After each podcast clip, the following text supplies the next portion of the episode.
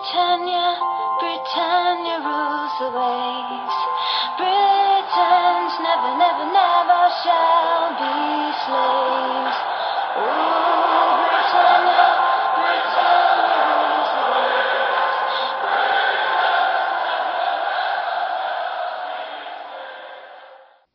Hej och välkomna till avsnitt 173 av Svenska FPL-podden. Vi ska gå in i en säsongssummering nu när 38 Gameweeks är avklarade och eh, ja, till råga på allt har jag gått och blivit trebarnspappa här precis innan deadline för Gameweek 38 men jag tog mig igenom den och nu sitter jag här och poddar. Vi eh, spelar in tisdagen den 24 maj och eh, agendan för dagens avsnitt är att vi först och främst ska plocka ner Game Week 38 lite kort bara. Kolla hur gick det för våra lag? Vad landade vi i overall rank och hur, hur kom det sig? Vi kommer också göra en återblick efter det utav säsongen generellt. Inte för våra specifika lag utan eh, ja, men vad har stuckit ut just den här säsongen som har varit. För det är ändå en del saker. Ehm, efter det ska vi djupdyka i våra lag för att se, kan man dra några lärdomar sett till säsongen? Vart gick det fel eller vart gick det rätt? Vi kommer kolla in i våra tre respektive lag men även kolla in eh, världsnian och Sverigeettan Joakim Längroth som vann poddligans lag lite grann och se. Det kommer även komma ett specialavsnitt med Joakim där vi pratar ner den här säsongen med honom och då får vi ännu mer inblick men här kollar vi in lite grann i alla fall. Sen tänkte jag ställa Fredrik och Stefan lite mot väggen med ett miniquiz. Eh, det är mer en, en rolig grej där även ni lyssnare kan vara med och, och testa era kunskaper. Vi eh, kommer komma med säsongens utmärkelser, kolla in lite vilka har varit de bästa FBL-spelarna, vilka har varit de största överraskningarna, besvikelserna och, och lite sånt där. Eh, kollar in poddligan och Glennligan. Eh, hur slutade? det? Jag har redan avslöjat att Joakim gick och vann och eh, om ni följer oss på Facebook så har ni sett att jag har, har lagt ut om eh, hur det ser ut. Det är ju pris till topp 20 så om ni är med där Eh, hör av er så ska ni få era priser. Det är redan många som har gjort och som har fått sina priser. Och avslutningsvis då så kör vi en eh, blick in i spåkulan och ser vad vi förväntar oss kommer hända under säsongen 22-23. Och eh, ja, får man se sen i efterhand hur nära vi kan vara. Men Fredrik, om jag börjar med dig, har du hunnit samla dig från galna Game Week 38 och den ligadramatik som, som utspelar sig när jag var på, på förlossningen? Ja, både ja och nej ska jag väl säga. Är, man får fortfarande lite upp i varv i tanke på att eh, som Liverpool-fan har man ju en Champions League-final kvar och, och liksom mm. sikta mot. Så vi tillåter inte oss själva liksom att takta ner den. Utan det var en liten bump in the road. Vi hade kanske inte räknat med så mycket mer egentligen. Nu blev det ju så väldigt nära. Ehm, men äh, det, var, det var en mäktig omgång. Man, man märkte ju också, om man ska foka lite så här på FBL-mässigt, hur svårt det var. För man kan inte ha för många, gånger, många skärmar igång samtidigt. Eh, och jag som satt där med min Spurs-bindel hade ju gärna velat haft den på, eh, alltså på någon tredje skärm där, men det dög ju inte för jag var ju tvungen att liksom hålla koll på City-matchen och Liverpool-matchen. Så att, eh, man är inte van vid att alla spelar samtidigt. Nej, men galna Game Week 38 levde ju verkligen upp till, eh, till hypen och vad vi pratade om i förra avsnittet. Och, eh, vi kommer gå in på det lite grann när vi kikar tillbaka men eh, jag tänker det var ju liksom något helt sinnessjukt. Tänk om, och det var inte långt bort, att liksom Steven Gerrard eh, går och liksom piskar till City. Coutinho gör ett mål, väldigt vackert mål ska jag säga, han viker ner den i första. Och, eh, ja, och sen så dessutom stod det 1-1 för Liverpool väldigt, väldigt länge också. Så att, tänk om, om Gerrard hade gjort det med att eh, Liverpool inte hade lyckats ta alla tre poängen. ja, det hade varit ja, värre. Ja, men helt, helt galet i alla fall. Och, ja, jag är glad att, jag, eh, att det inte var United som var inblandade i det här. Eller jag vet inte om jag är glad för det. Jag, de fortsätter i sin tragik här i, i Game Week 38 också bara för att lite lägga körsbäret på, på toppen på den här säsongen. Uh, så att jag hade gärna varit med uh, så som Liverpool var såklart. Men nej, jag vet inte om jag hade klarat av det bara. Ja, uh, Stefan, ni fick i alla fall avsluta med en vinst och jag vet inte, har du fått upp något hopp om uh, Champions League-plats kopplat till de här viskningarna som har kommit kopplat till, till Chelsea och, och deras strul där i klubben? Nej, det känns som en admin-grej som de kommer lösa. Jag läste något rykte om att affären kommer bli klar i, liksom, inom en vecka. Mm. Så, men det kanske finns liksom en 1% chans till det. Mm. Men, men det är inte liksom, jag är inställd på Europa League. Eh, och av den anledningen så blev ju kanske just den striden inte så, inte så spännande när, när Spurs går och vinner med 5-0. Eh, men det var ju också, liksom, det trodde man ju eh, på förhand. Så att, eh, ja men Game Week eh, 38 den levde ju verkligen upp till, till hypen rent eh, liksom, eh, underhållningsmässigt med, med toppstriden och även bottenstriden som levde i allra högsta grad eh, långt in på stopptid innan Leeds fick in sin, sin balja där i 94 eh, och, och, Burnley saknade ju inte lägen att göra mål mot, eh, mot Newcastle. Eh, så äh, men det var kul. Tyvärr så missade jag ju, det gick så jävla fort när City, jag såg när de gjorde 2-1, jag hade precis zappat och kollat något Arsenal-mål och helt plötsligt stod det 3-2. Jag bara, det, där, gick man, där blev man blåst på, på spänningen liksom. Ja. Eh, så jag kikade den matchen på slutet men de spelade ju av den väldigt, eh, väldigt bra där så det var ingen, ingen nerv tyckte jag eh, på riktigt där sista minuterna. Mm.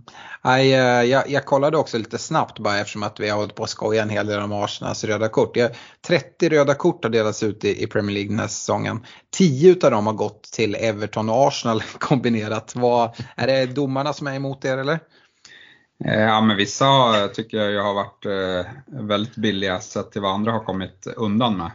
Det kan jag väl säga. Ja. Ja. Xhaka har ju fått röda kort som, som Kane och McTominay och, och andra gubbar inte har uh, fått. Det, det, är väl de flesta överens om att, att det har varit så. men, men sen är det ju liksom, ja men det är ju disciplin också såklart. han, han, har ju en tendens att vara inblandad i de där situationerna också och har kanske inte den här fingertoppskänslan när det kan vara läge att ah, jag skippar att gå in i just den här situationen. Ja, nej men eh, så är det ju. Eh, sen, nej, det enda jag önskar är att det ska vara mer konsekvent eh, bedömning ja. för, för saker. Nu åkte ju Eiling på ett rött mot oss i alla fall, så det var, det var ju lite skönt att, att man kunde hitta någon, någon sån där tackling som faktiskt gav rött kort till, till något annat lag också. Ja, men det vill vi väl alla. Det var ju som när vi var i London på poddresan och vi satt och kollade United Leicester och McTominay. Liksom, jag, vet inte, jag vet inte vad VAR sysslar med, att de inte går in och liksom ger ett rött kort. Eller, för det första tycker jag inte ens det ska behöva VAR för en sån situation. Men ja, nej, det, det är galet. Vi får nog släppa det i alla fall. Eh, vi konstaterar att det inte blev någon svensk FPL-vinnare i år heller. Eh, trots att det såg ljust ut under en, en väldigt lång tid. Eh, vinnaren kommer från USA. Eh, men Eh, kan samtidigt konstatera att eh, bästa svensk, eh, Joakim, eh, kom, kom nia i världen. Så det är ju sjukt imponerande och viktigt att ingen, ingen norrbagge eh, smet in. Heller ingen engelsman såg jag. Så att äh, knäpper de lite på nära, näsan där. 16 juni släpps spelschemat för nästa säsong och Fredrik, det ser vi fram emot lite extra du och jag som Eh, i blindo har bokat in eh, Manchester United-Liverpool på Old Trafford och vi har ju fullt avbokningsskydd om det är så att den skulle, skulle komma på ett datum som inte riktigt passar in i, i kalendrarna. Men eh, det hade varit rätt kul att åka till Manchester tillsammans, eller hur? Ja, nej, men när du hörde av det där så, så gick det ju liksom inte att stå emot. Det, det, det fanns inga, inga spärrar kvar för det Eh, hade varit väldigt roligt att eh, bocka av Old Trafford och ska jag göra det så gör jag det ju gärna i, en match mot Liverpool såklart. Ja, men såklart. Ja. Eh, med det så hoppar vi in i Game Week 38. Vi ska inte bli alltför långrandiga där. Men som jag var inne på så levererar det ja, men som vanligt och som vi pratade om förra, eh, förra veckan. 39 mål och endast två nollor. Det var Palace och Spurs som höll dem eh, mot eh, kanske eh, säsongens sämsta lag. Eh, United mötte Palace och Spurs Norwich.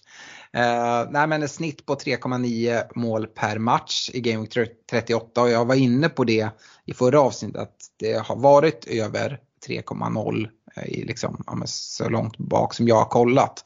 Eh, men 3,9 mål eh, per match i snitt i Game 38 är faktiskt också så det högsta som, eh, som jag kunde se och då har jag kollat sedan säsong 11-12.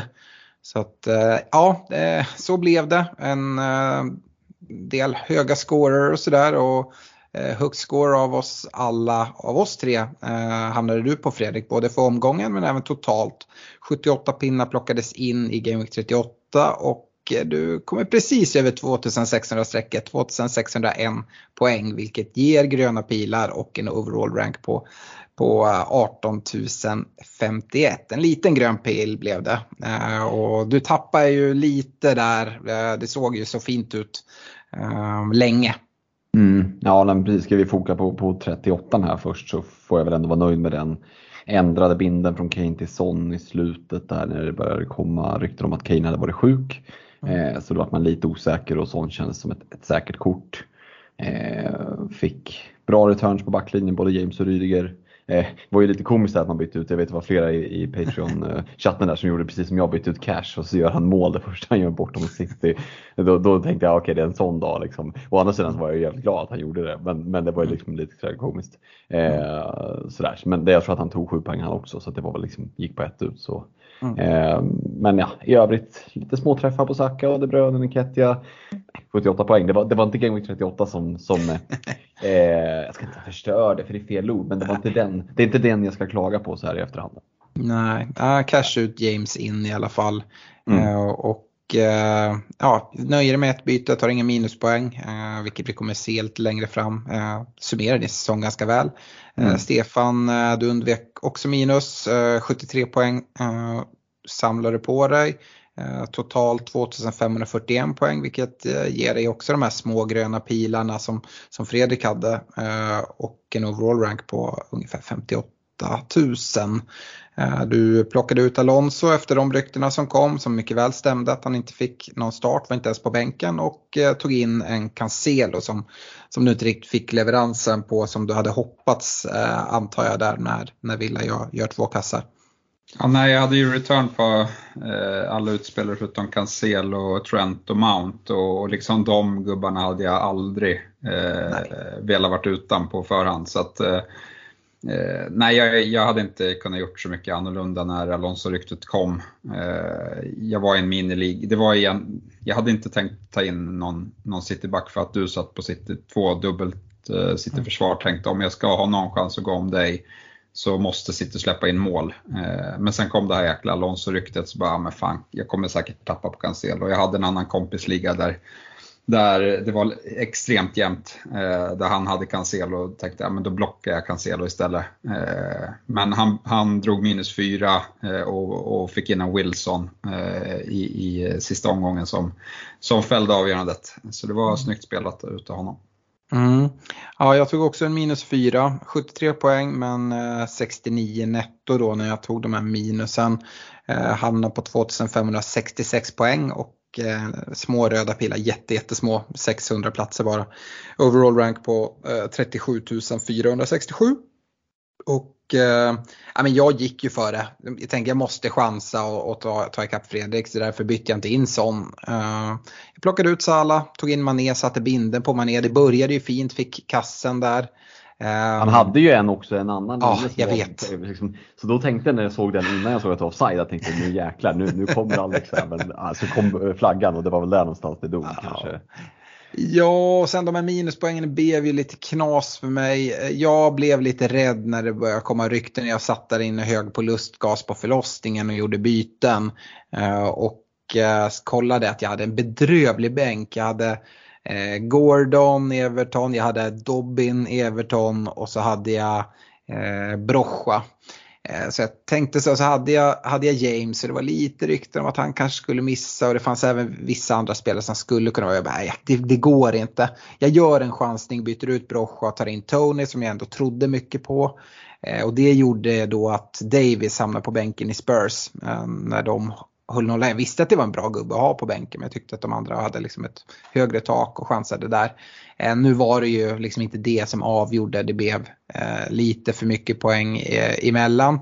Men eh, samtidigt, det är 38 game weeks vi spelar. Eh, Stefan är 60 poäng eh, exakt bakom dig Fredrik. Så det är, det är tajt mellan oss och vi har spelat ganska olika eh, skulle jag säga. Så, eh, det är helt okej okay ranks för allihopa. Eh, även om Eh, det, det, såg, det såg tungt ut för Stefan där ett tag, en bit in.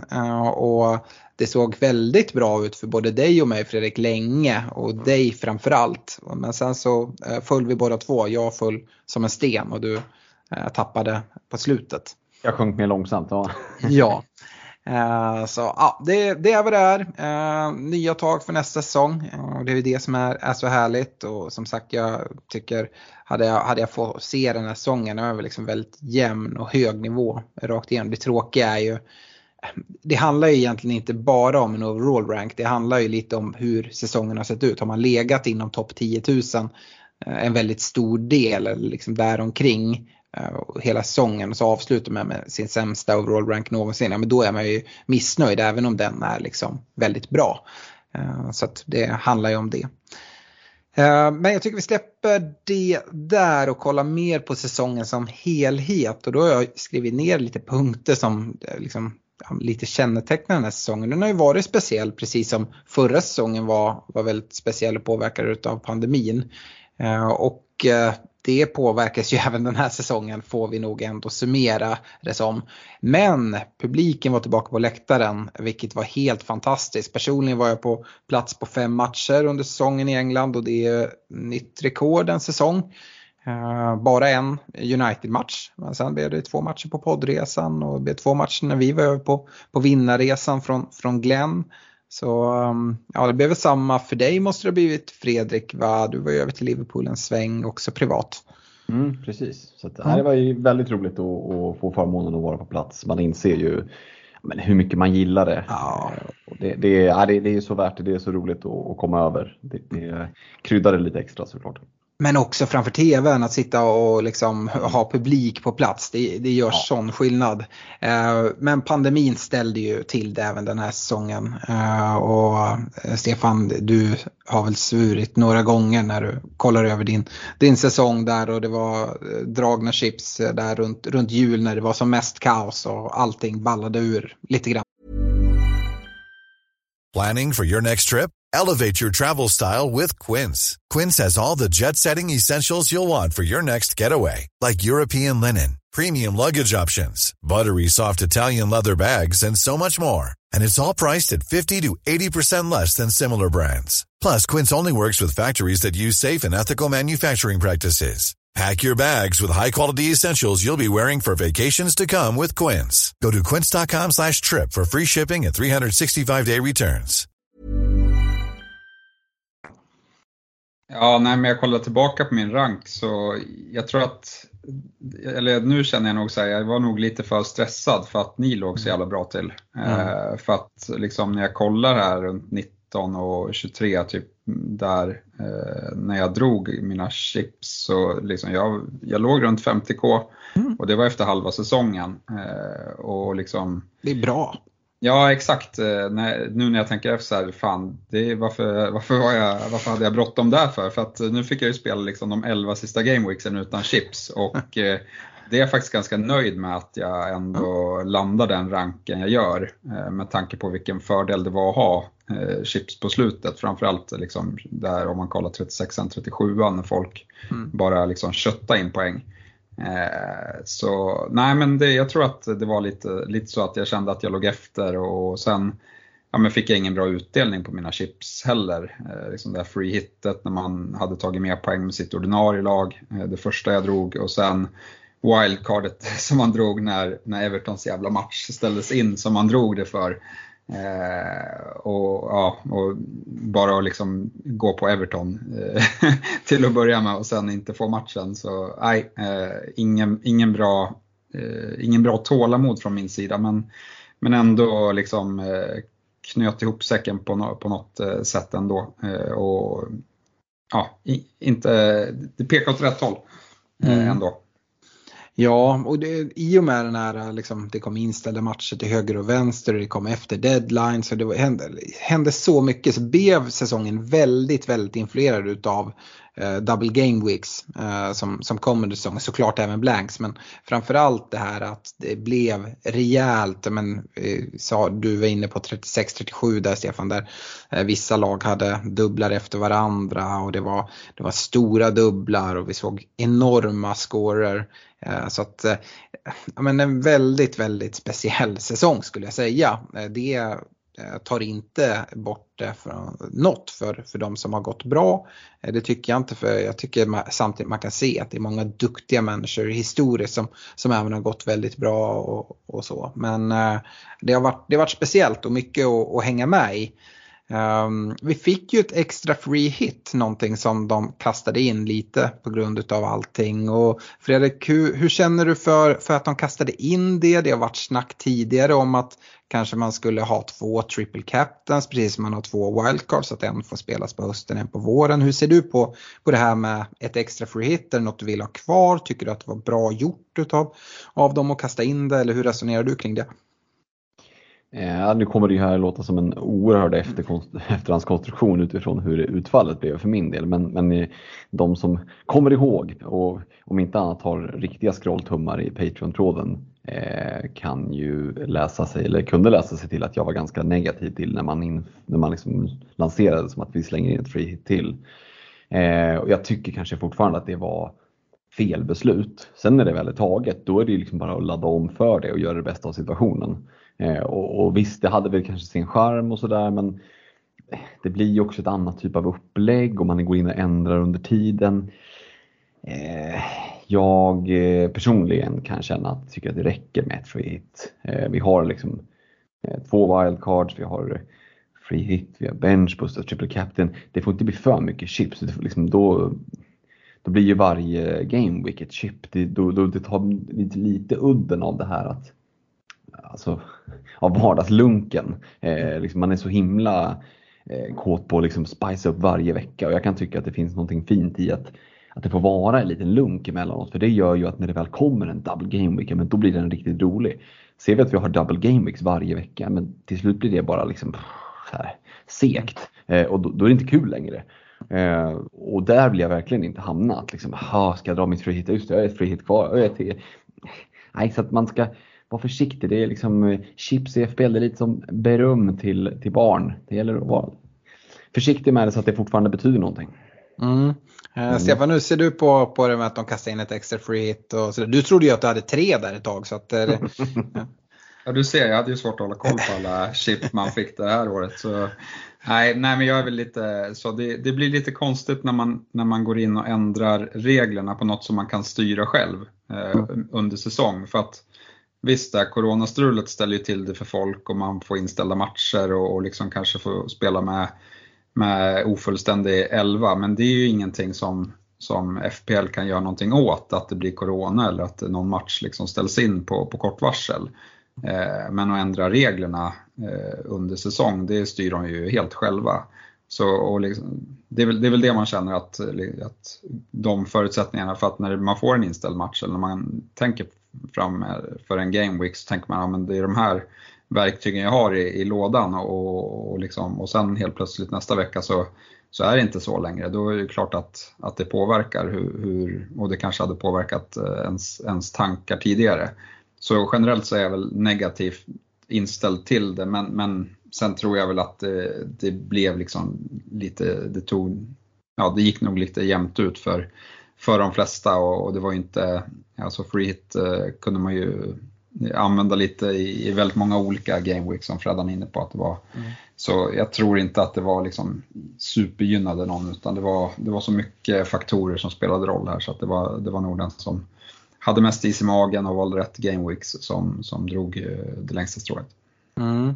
Eh, och jag var inne på det att det är en säsong som är väldigt influerad av Double Game Weeks och en stor diskussion bland communityt som alltid brukar vara är ju just det här och, och verkligen i år också att man, man stirrar sig blind på Double Game Weeks eh, och plockar in massa eh, spelare som är lite average som har halvdana matcher bara för att de har dubblar och man missar eh, duktiga single game week spelare. Eh, Fredrik, eh, din syn på, på det här? Mm, jag vet att vi pratade med Henrik Mattsson om det i det här specialavsnittet som vi hade mm. när han låg eh, topp två eller tre i världen där. Mm. Eh, och jag vet att han nämnde det då, att han, en av hans liksom, men grundpelare i taktiken var ju att från början se ut liksom någon form av trupp som är den bästa truppen och sen inte gå för långt ifrån det.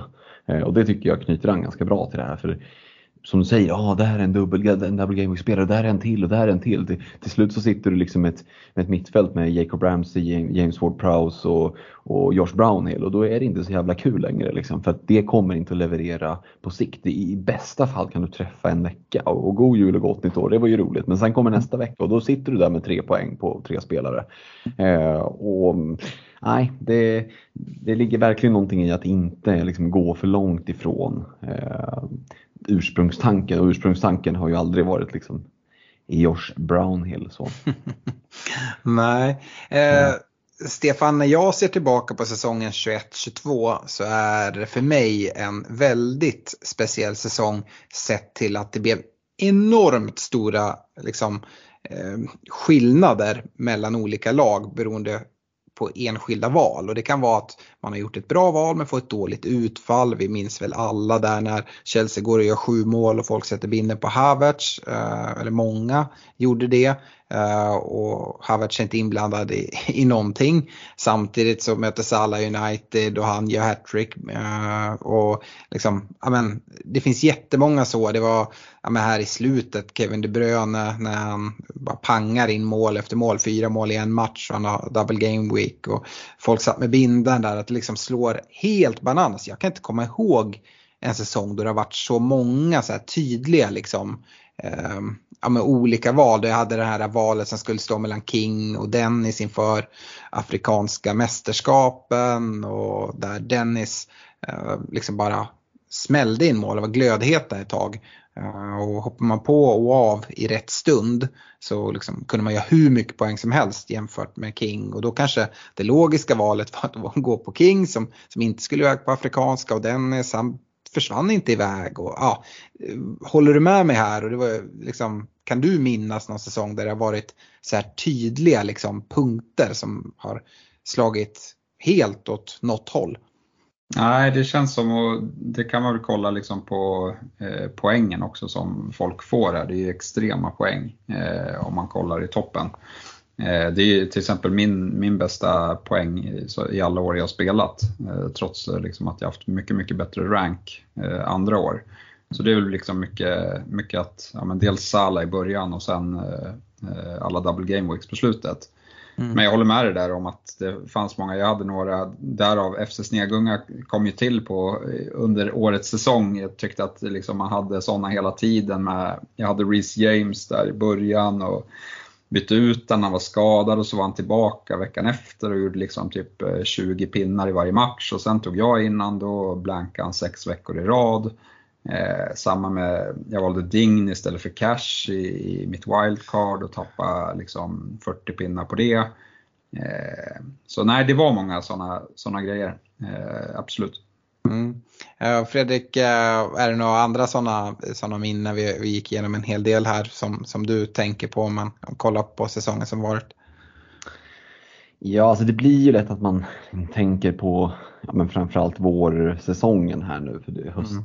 Även om för, för min egen del så, så, vill jag ju hellre minnas liksom höstsäsongen men, men våren ligger ju mer färskt i minnet. Mm. Eh, och, och, det är klart att det är svårt att bortse ändå från 36-37. Eh, för jag tycker att de blir, i slutändan blir väldigt, väldigt utslagsgivande. Ja, de som prickade rätt där. Vi, vi kollade, vi snackade om det, om det var i Patreon-tråden eller om det var oss tre internt där, att han som till slut går och vinner hela, hela rubbet, det skilde ju inte jättemycket om det var det du Stefan skrev, mellan honom och mig, man bara gick tillbaka en 5-6 game weeks och sen så skiljer det flera hundra poäng sen i slutändan. Och det är klart att, nog för att jag tog dåliga beslut, men det, må, det, må, det innebär ju också att han tog beslut som gjorde att han bara flög iväg 300-400 poäng över. Och eh, det är ju inte vad vi är vana vid att det ska kunna gå att dra ifrån på 4-5 game weeks. Liksom. Nej, jag tror Längroth ledde med 60 pinnar över han som vann när det var typ tre omgångar kvar. Ja. eh, och då, vilket är sjukt. Och då hade ändå Längroth ett eh, free hit kvar och så det var inte så att han satt tom på chips och så heller. Nej. Nej, men han som vann han drog in 200 pinnar i benchboost i 36 och följde upp det med typ 120 pinnar i, med free hit i veckan efter och sen en, en liksom solid avslutning i sista. Ja, det är sanslöst alltså. eh, en, an, en, annan stor swing skulle jag säga är också här i, i vårsäsongen där eh, om man skulle gå på Kane eller Son i Spurs där Son fullständigt toklevererade. Kane var inte på något sätt dålig och i brist på andra forwards så kan man argumentera för att det ändå var liksom ett, ett vettigt val. Eh, Son dock billigare och man kunde sprida pengarna och sen så Son helt crazy. Eh, så ja, det är också en sån sak. Så att det, ja, det är en del sådana, för mig är det verkligen det jag tänker på när jag tänker på säsongen 21-22. Um, en annan sak som är liksom 21-22 och man får tänka tillbaka lite. Det var ju det här snacket om permakapten. Mohamed Salah var, eh, Salah, han var ju liksom unplayable. Uh, det, bara sätta binden där från Game Week 1 till liksom Game Week, ja, fram till Afrikanska mästerskapen i stort sett. Uh, och bara samla in eh, poängen. Um, och det kan man kolla tillbaka sen. Sen gick han ju tillbaka till en lite tuffare säsong. Vi, vi, liksom, säsongsavslutningen blev ju inte kanon på Sala och det var många som satt kvar lite för länge. Eh, jag är en av dem. Kanske inte bara att sitta kvar utan att att, ehm, att sitta, sätta binden där, eh, att det ställde till det lite. Man, man, kan nästan säga att det fanns liksom en sån att gå super, super template första halvan av säsongen, det var succé. Och sen att liksom kunna hitta vart man ska kliva på, vart man ska kliva av. Eh, andra halvan eh, gjorde skillnaden. Eh, hur, hur ser du på det Stefan? Vi var inne på det att det finns inte en chans att alla kan hålla upp där hela vägen. Och eh, kanske att ja, men, han fick en fin säsong där han fick en riktig försäsong medan många hade, hade EM i, i, eh, i benen. Uh, sen fick han ju Afrikanska mästerskapen, det blev väldigt mycket matcher och så blev han trött mot slutet. Är det fortfarande så din, din analys lyder? Ja, men jag skulle säga att både din och min analys var så Alex, för det fanns ju, mm. Fredan trodde ju att Egypten skulle åka ut i gruppen där i Afrikanska mästerskapen mm. vill jag ju påminna om. Eh, nej men det som ställde till det beslutet, för jag tror både du och jag hade droppat honom så fort vi fick chansen, om det inte var för den här jäkla superdubben som han skulle ha när han kom tillbaka från Afrikanska. Mm. Och där plockade han ju en jäkla massa poäng. Men, men hade han inte haft den superdubben då hade man nog eh, ja, men, liksom gått för sån eh, där och, och, då kanske det hade blivit så att man, att man liksom Eh, behöll det spåret och det hade nog eh, liksom gett mycket mer poäng än, än eh, vad jag fick som, som ja, men höll kvar i Salah tänkte att ja, men han, han hittar tillbaka till formen och, och så. Eh, och, och, även satte för många bindlar där eh, på, på slutet. Så nej, jag tror att det var framförallt den dubbelveckan där som, som ställde till det för, för egen del i alla fall. Ja. Vi har några sjuka scorer på enskilda spelare om man kollar tillbaka. Kevin De Bruynes Game Week 36, 30 pinnar. Game Week 28 med Matty Cash 29 pinnar. Game Week 26 alla 28. Det är det liksom, träffar man bindlar där, okej okay, Cash bindel 28 kanske inte var supermånga som hade men liksom i Kevin De Bruyne Game Week 36 med hans dubbel och eh, ja, Eh, sa jag Son i Game Week 26 förresten? Salah såklart, den 28 poängen. Det var ju det du, du pratade om, det var då ja, men många av oss drog triple captain på Salah och fick, till och med jag lyckades sätta triple captain-binden.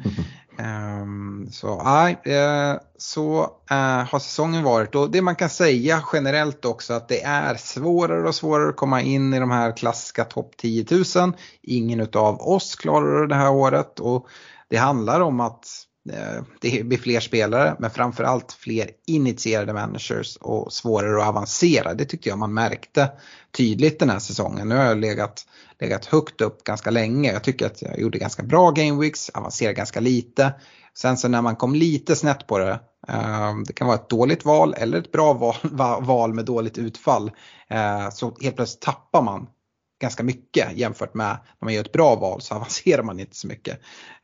Um, ja, det är väl, det finns uh, många som gör, gör poddar, det finns uh, många, det är lätt att följa med i Twitter och sånt, du behöver inte kolla alla presskonferenser själv. Uh, och sådana saker. Det är väl det som, som, som avgör det skulle jag säga och det kommer inte bli lättare, eller hur Fredrik? Nej men verkligen inte och det är, det är ju lite av charmen med det hela. Mm. Att, att inte två tredjedelar Ghost Chips när vi, när vi liksom ja, men byter år i kalendern och sådär. Utan nu, nu lever det på riktigt och det som jag tycker har varit allra roligast egentligen om jag ska se till 2022 det är ju att vi har haft så mycket svenskar med i världstoppen. Eh, och svenskar som vi har haft i vårt Patreon-community. Att vi liksom kunnat haft äran och haft både men Olle och Henrik och Joakim ska vi ju faktiskt säga att vi hade ju med honom ett specialavsnitt eh, ganska tidigt där när han var med eh, uppe i toppen.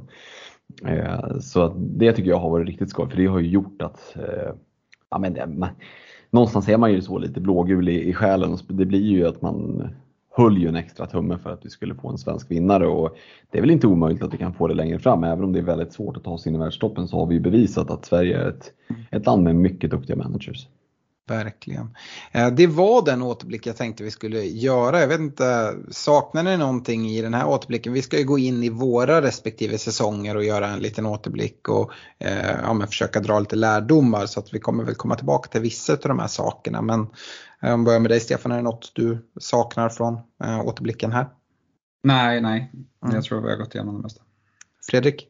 Mm, nej, men jag tycker vi ger oss in i, i våra respektive lag. Det, det, är alltid svårt att hålla sig borta ifrån dem för det blir lätt att man relaterar till, till sitt eget bygge. Ja, och eftersom att vi inte var eh, världsnia så har jag även tagit in lite och kolla och jämföra oss med Joakim. Jag kollar bland annat hur många byten vi har gjort, hur många minus vi har dragit och, och lite hur det ser ut. Och, eh, ingen blir väl chockad av att höra att Fredrik gjorde, gjorde minst byten av oss och drog eh, minst minuspoäng. Eh, ganska rejält. Eh, Fredrik, har du koll på hur många, många minus du, du tog? Mm, jag tror att jag tog eh, minus fyra tre gånger eh, och varav två var så kallade fattigmans wildcards där man hade två fria byten och, och gjorde tre så att det blev minus fyra. Det stämmer, 12 minus. Eh, mm. Totalt gör bara 36 byten på, på hela säsongen. Eh, mm. Jag jämförde det med förra, förra säsongen. Det tycker jag ändå är ganska, ganska rimligt att jämföra med eftersom att det också var en så här lite galen säsong med inställda matcher. Och jag skulle säga att både den här och förra säsongen var, var generellt sett säsonger då det kanske finns skäl till att dra lite mer minus där man fick liksom info om inställda matcher som man kanske inte fick upp spelande, spelande lag och det har vi pratat om att då kan det finnas case för, för att dra minus. Eh, men eh, förra säsongen drog du, drog du 20 minus, nu, nu 12 så det minskade ändå. Eh, och det är ju till exempel om man jämför med eh, Längroth så han gjorde 46 byten och tog 52 minuspoäng. Mm. Mm. Fördelade på 10 stycken minus 4 och en minus 12 faktiskt. Um, så det finns ingenting som säger att det ena är bättre än det andra och det handlar ju såklart om att det är ju en, att spela med en större risk skulle jag säga och, och dra minus. För att det gäller att träffa de, de byten man gör både, ja, både på kort och lång sikt. Eh, och det klarar man såklart av om man kommer nia. Eh, då, då har man den stolpen in och man gör bra val. Eh, så att det är olika sätt att spela på. Stefan, du tog ännu mer minus. Jag, jag, tog lika många minus som, som, Joakim men gjorde inte lika bra val.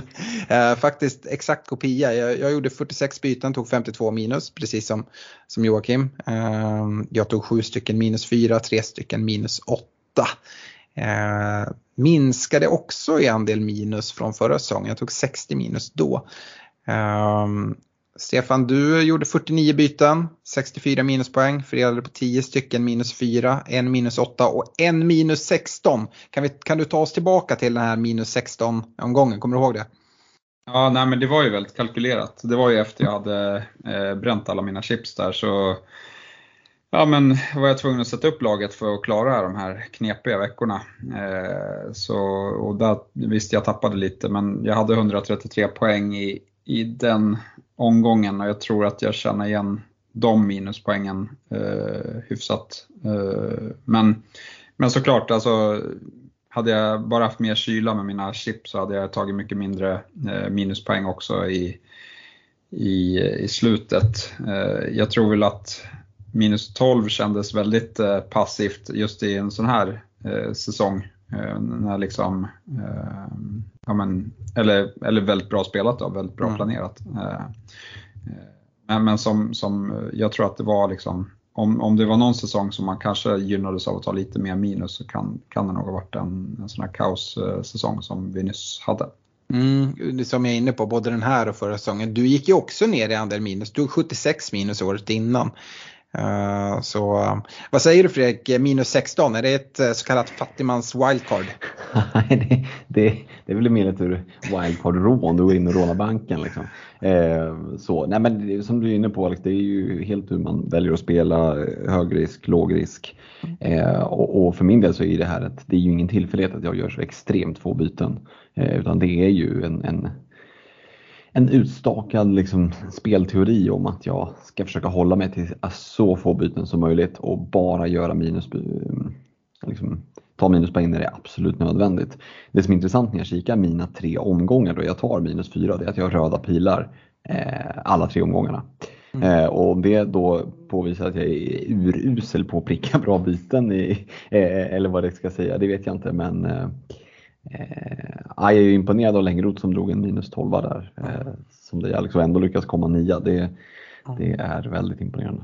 Eh, sen ska man säga det, det är också ibland lite för kort att göra analysen på bara den gameweeken. För när du drar en Såklart. minus 4 till exempel, vad händer omgången efter. För mm. det finns ju två sätt att ta minus. Vissa är superaggressiva managers tar minus fyror för kortsiktiga pants där de ska få in en specifik kapten som ska träffa, vilket kan falla jätteväl ut. Jag är inte den managern, jag tror inte på det, utan de minuspoäng som jag tar brukar vara sett över lite längre tid. Eh, och det kan ju vara att just den omgången man tar minuset eh, så ger det inte utdelning, men Game Week två eller 3 eller 4 därefter om man liksom får en ganska stor glädje utav det eh, kan det också vara. Eh, så att eh, ja, lite beroende på hur man spelar. Men, och det tror jag väl är du också Fredrik, att du går inte på de här, de här minus 12 eh, som du ändå drar. Det är inte för en enskild vecka eller väldigt sällan i alla fall va? Nej men så är det ju. Det, det är ju sådana som jag tänker att jag kan räkna hem på, på ett antal gameweeks. Förmodligen lite för många gameweeks. Eh, mm. Eh, så jag, jag säger inte att minus 12 är någon, liksom, det finns ju inget självändamål i att ha så lite minus som möjligt egentligen. För att du, du vet ju att du kommer att behöva ta minus under en säsong. För att tar du noll minus så kommer det att vara fel val. För ingen gör ju sådana liksom, korrekta val hela vägen. Utan det gäller liksom att, att känna efter när det, när det är läge och när det inte är det. Eh, sådär, så att. Och det handlar egentligen inte så mycket om att, eh, skulle jag säga, att, jag, att det liksom var det, det ibland, i vissa fall är det att man gör dåliga val. Eh, men ibland är det bara ren oflytt. Stefan pratade om det i sitt lagnamn med Snegunga, att man tar in en spelare som ser jättefin ut och sen så skadar han sig direkt. Jag hade några sådana, Stefan hade en hel del. Jag tror du också hade några sådana, mm. Fredrik. Eh, var väl också där med Cash och Ding eh, som Jajamän. blev lite, lite knas. Och, eh, skulle fortfarande säga att det är ett helt korrekt beslut. Och flera av de där hade jag gjort om igen. Men det är svårt att liksom läsa att en baksida ska dras. eller att någon ska dra ett rött kort och liksom, nej, det där, det där är stökigt. så, men det är en sund inställning tycker jag att vara liksom försiktig minus. Så det var en grundinställning jag hade den här säsongen.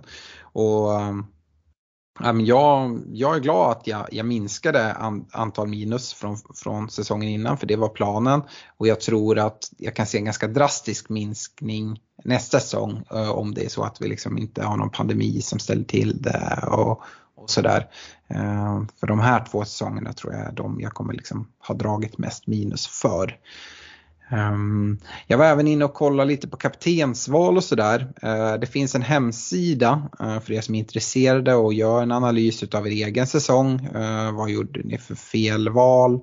vart blev bara utfallet fel och sånt. Det finns egentligen hur mycket statistik som helst. Jag vet inte om du har koll på den här Stefan, för du är ju liksom statistikkillen här i gänget skulle jag säga. Men fploptimized.com finns det mer statistik än vad min hjärna klarar av att hantera man skriver in sitt lag i det där och eh, jag har kollat lite på hur, eh, hur jag liksom placerade binden framför allt och även hur man kommer in på vissa spelare snett. Att eh, spelare som gör det väldigt bra, eh, Reece James är ett typiskt sånt exempel där vissa svor så fruktansvärt mycket om honom eh, för att de tog in honom och så blankan, blankan, blankan bytte de ut han och då kom liksom helt galna scorer. Alltså man kan se när man hade en viss spelare. Eh, men kollar man på kaptenssidan så var jag inne på det just att eh, det var inte så bra att sitta med Sala med binden allt för många gånger. Eh, på hösten, absolut, men sen att kliva därifrån. Och Stefan, du hade binden på Salah 21 game weeks den här säsongen. Jag hade binden där 19 gånger. Eh, Fredrik 16 och så har jag även kastat med Joakim eh, Längroths då, han hade den 15 gånger. Det är såklart inte hela svaret på det. Eh, men jag kan till exempel konstatera att Längroth han klarar sig utan att sätta binden på Son en enda gång. Ehm, trots att Son hade jättefina scorer här. Han hade ehm, den fyra gånger på Kane, fyra gånger på Bruno. Eh, han hade den på Cancelo två gånger, James två gånger, Lukaku två gånger och sen så är det några som, som hade den en gång per gubbe. Ehm, och sådär. Har det, har ni koll på det här hur ni själva har, har satt binden eh, under säsongen, ungefär fördelning och sådär? Om vi börjar med dig Stefan. Eh, nej, men, men det är klart att man insåg att man behövde ha den på Sala eh, mm. där i början. Eh, och sen, sen minns jag ju när vi var, skulle till Göteborg, då, då satte jag den inte på Sala utan på Lukaku och det fick man ju käka upp. Eh, men, men nej, jag tror att det var liksom det som är fallet är att man satte den på Salah för många gånger på, på våren och mm. tappade på det. Även om eh, det var väl en, en, match när de kan väl få möta United varje Game Week för då, då, då är det lättare att sätta binden på Salah. Det är många lag som önskar det den här säsongen. Uh, du nämner Lukaku där. Du, Lukaku hade faktiskt binden i ditt lag två gånger. Uh, precis som Son, Antonio och Bruno i just nämnda United. Um, ja Fredrik, uh, har du koll där? Uh, som sagt Salah 16 gånger men sen i övrigt vilka tror du har fått binden flest gånger? Uh, ja, det är en bra fråga. Alltså, man, man, blev ju lite skadad där i början av att bara sätta Sala-bindlar vecka ut vecka in. Så man blev nästan lite ringrostig när man började inse att jag kanske inte kan sätta den här liksom, när, när det började svänga där. Så att, då var det ju, det blev lite, ja, men lite smålurigt. Jag vet att jag har jag har jobbat med en del, del Spurs-bindlar så både Kane och Son borde ju vara eh, borde ju vara där. Ja, de har tre var och det är mm. liksom näst efter Salah tillsammans med Bruno som också har fått den tre gånger. Eh, mm. i United. Du har även eh, gillat eh, Ronaldo eh, i, mm. i United två gånger och Antonio två gånger. Antonio var helt sjuk i början av säsongen.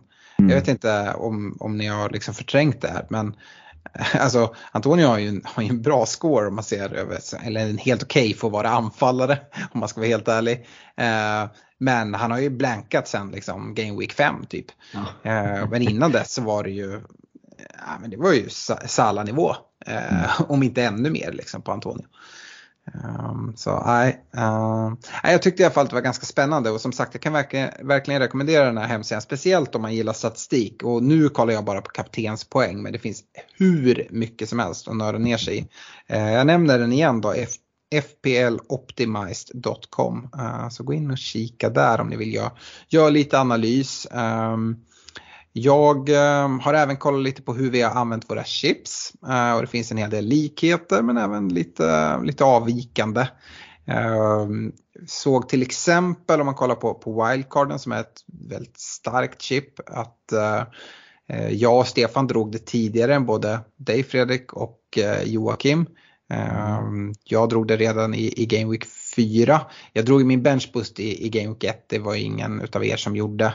Uh, och det kan ha vägt in lite i det. Uh, Stefan tog det Game Weeken efter, Game Week 5. Fredrik du är 9 och Längroth lite där mittemellan i 7 och så här i efterhand kan man ju verkligen se att de som drog wildcard lite senare, som, som du och, och Joakim, kanske framförallt Joakim, eh, tror jag, det är bara någon gameweek som skiljer. Men den stora skillnaden jag vet inte om ni kommer ihåg det här men när jag gick igenom det så, så såg jag i alla fall det att eh, när man drog det som jag och Stefan då vill man gå in på, på lite Chelsea-försvarare, man hamnade på, på Rydiger och Aspilicueta men när man drog den lite längre fram, jag, jag vet inte exakt om du gjorde det Fredrik men jag tror det och då kanske du gick lite för sent, jag tror att Joakim hamnade mer rätt och liksom dubbla upp på Chilwell och James som liksom det slog också hur mycket som helst. Vi var inne på sådana saker som som hur det slog. Och det var helt galet. Eh, mm. Kommer du ihåg Fredrik om det var så att du gick på, eh, på James och, och uh, Chilwell? Ja, jag gick på James i alla fall. Jag vet att jag plockade 107 poäng. Jag drog mitt wildcard där och, mm. och, och, verkligen inledde en, en rejäl klättring i rank. Eh, ja, men, och kom rätt på det eh, i backlinjen skulle jag nog säga. Mm. Eh, så visserligen Diaz där istället, men, men ja, eh, just James känns, ja, jag kan inte liksom eh, likt Stefan klaga på att det är han som har förstört någon säsong för mig utan det, jag känner ändå att jag kan vara nöjd med hur, hur jag kom in på honom för han är ju ja, men nästan ja. den spelare som, som är mest så här liksom antingen eller. Att han kan ja. ta sina två poäng, två poäng, två poäng så kan han göra 13, 15, 16 tre gameweeks i rad. Liksom. Mm. Ja, nej, det, det, var, det var väldigt, väldigt tydligt i alla fall som, som jag kunde se med, med det första, första wildcard. Det andra wildcard var vi ganska överens om förutom Stefan som drog det direkt när han fick det i Game Week 21 som blev, vi varit inne på det, blev väldigt fel kopplat till Uh, det var då det var mest, mest med coviden. Uh, du drog det i Game Week 21, 21. Både jag, Fredrik och, och Joakim drog det i, i Game Week 28. Inte för att säga att det var det mest optimala. Det vet att det var folk som drog det uh, något tidigare eh, och satte upp sitt lag på ett annat sätt och planerade chippen helt, helt annorlunda. Men mm, det, jag, jag vet, det var ju det chip som för mig gick helt helt, helt fel. Uh, då tappade jag, jag tror det var min sämsta Game Week rank på hela säsongen. Just en Game Week där jag drar mitt wildcard. Och man kan inte summera ett, uh, ett wildcard på bara en Game Week. Men det gjorde, jag kom helt snett på det och uh, så illa som det gick ska det inte gå bara. Ehm, koll, jag kollar på det eh, och håller fortfarande på att försöka göra en analys. Jag tycker att det liksom är vettiga val jag gjorde men inte fick, fick riktigt, riktigt träff på det. Um, eh, annars så, det har vi pratat om i, i flera avsnitt. Jag drog ju bench boost i, i Game Week 1 och eh, ja, det som strategi. Eh, Stefan, du och jag pratade om det. Du var också inställd på att göra det. Är det någonting som, som man ska ha med sig? Nu handlar det såklart om vad det är för upplägg, vad, vad är det för spelschema som kommer och finns det några billiga spelare att hoppa på? Just den här säsongen skulle jag säga var, var kanske optimal för det, även om man kanske kunde få bättre utdelning på det längre fram för att det såg vi, såg vi flera som fick. Men man tar bort ett problem så att säga med, med chip också.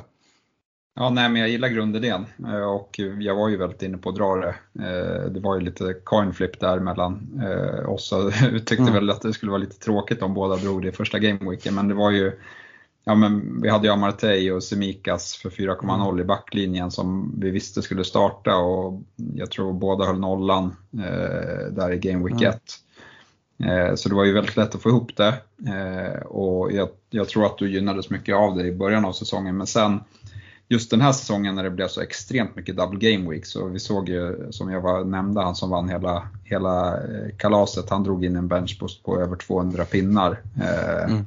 Så det är klart att det fanns så många game weeks där man kunde smälla av det där benchboostet eh, till, till bra utdelning i år. Så jag tror att får vi ett sånt läge där det kanske blir en mer normal säsong i Game Week 1, då, då är jag inte sen på att nappa på den idén. Mm. igen. Men, men eh, ja, i det här året så tror jag inte att man, att man kanske gynnades av att dra den i, i Game Week 1. Nej. Fredrik, du har inte heller stängt tanken på att dra den i Game Week 1 vet jag. Du drog den i Game Week 11, hade, fick lite straffräddningar och, och sådana här saker. Lite, lite med, medstuds skulle jag säga. Ja, det får man ju verkligen säga så. Eh, och ville väl mest bara bli av med det där. Och då, eh, jag tror ju inte att om man säsong efter säsong ska sitta och hålla på benchboost till Game Week 36-37 eh, jag tror inte att det, jag tror att den här säsongen var det ju helt uppenbart ett kanondrag. Eh, men eh, personligen så tycker jag att det känns väldigt risky att sitta och hålla ett sånt chip till så pass sent på säsongen. Ehm, Risken är att du bara får dra av det och sen så blir det liksom knas och banan sista i slutet där.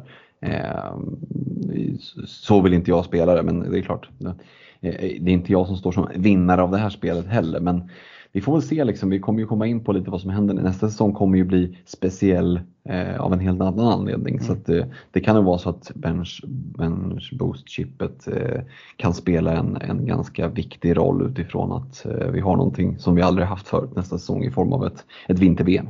Mm. Så är det. Stefan drog sin benchboost till 25 och Joakim ska vi nämna drog den i Game Week 29.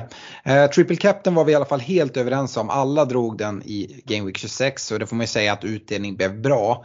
Man ska även säga att de som inte drog den då, de hade också en hel del bra Game Week, alltså en bra score. Men jag tror att alltså när Sala fick den dubben så det gick liksom inte att, att, att stå emot riktigt. Så kände vi nog, nog allihopa, eller hur Stefan?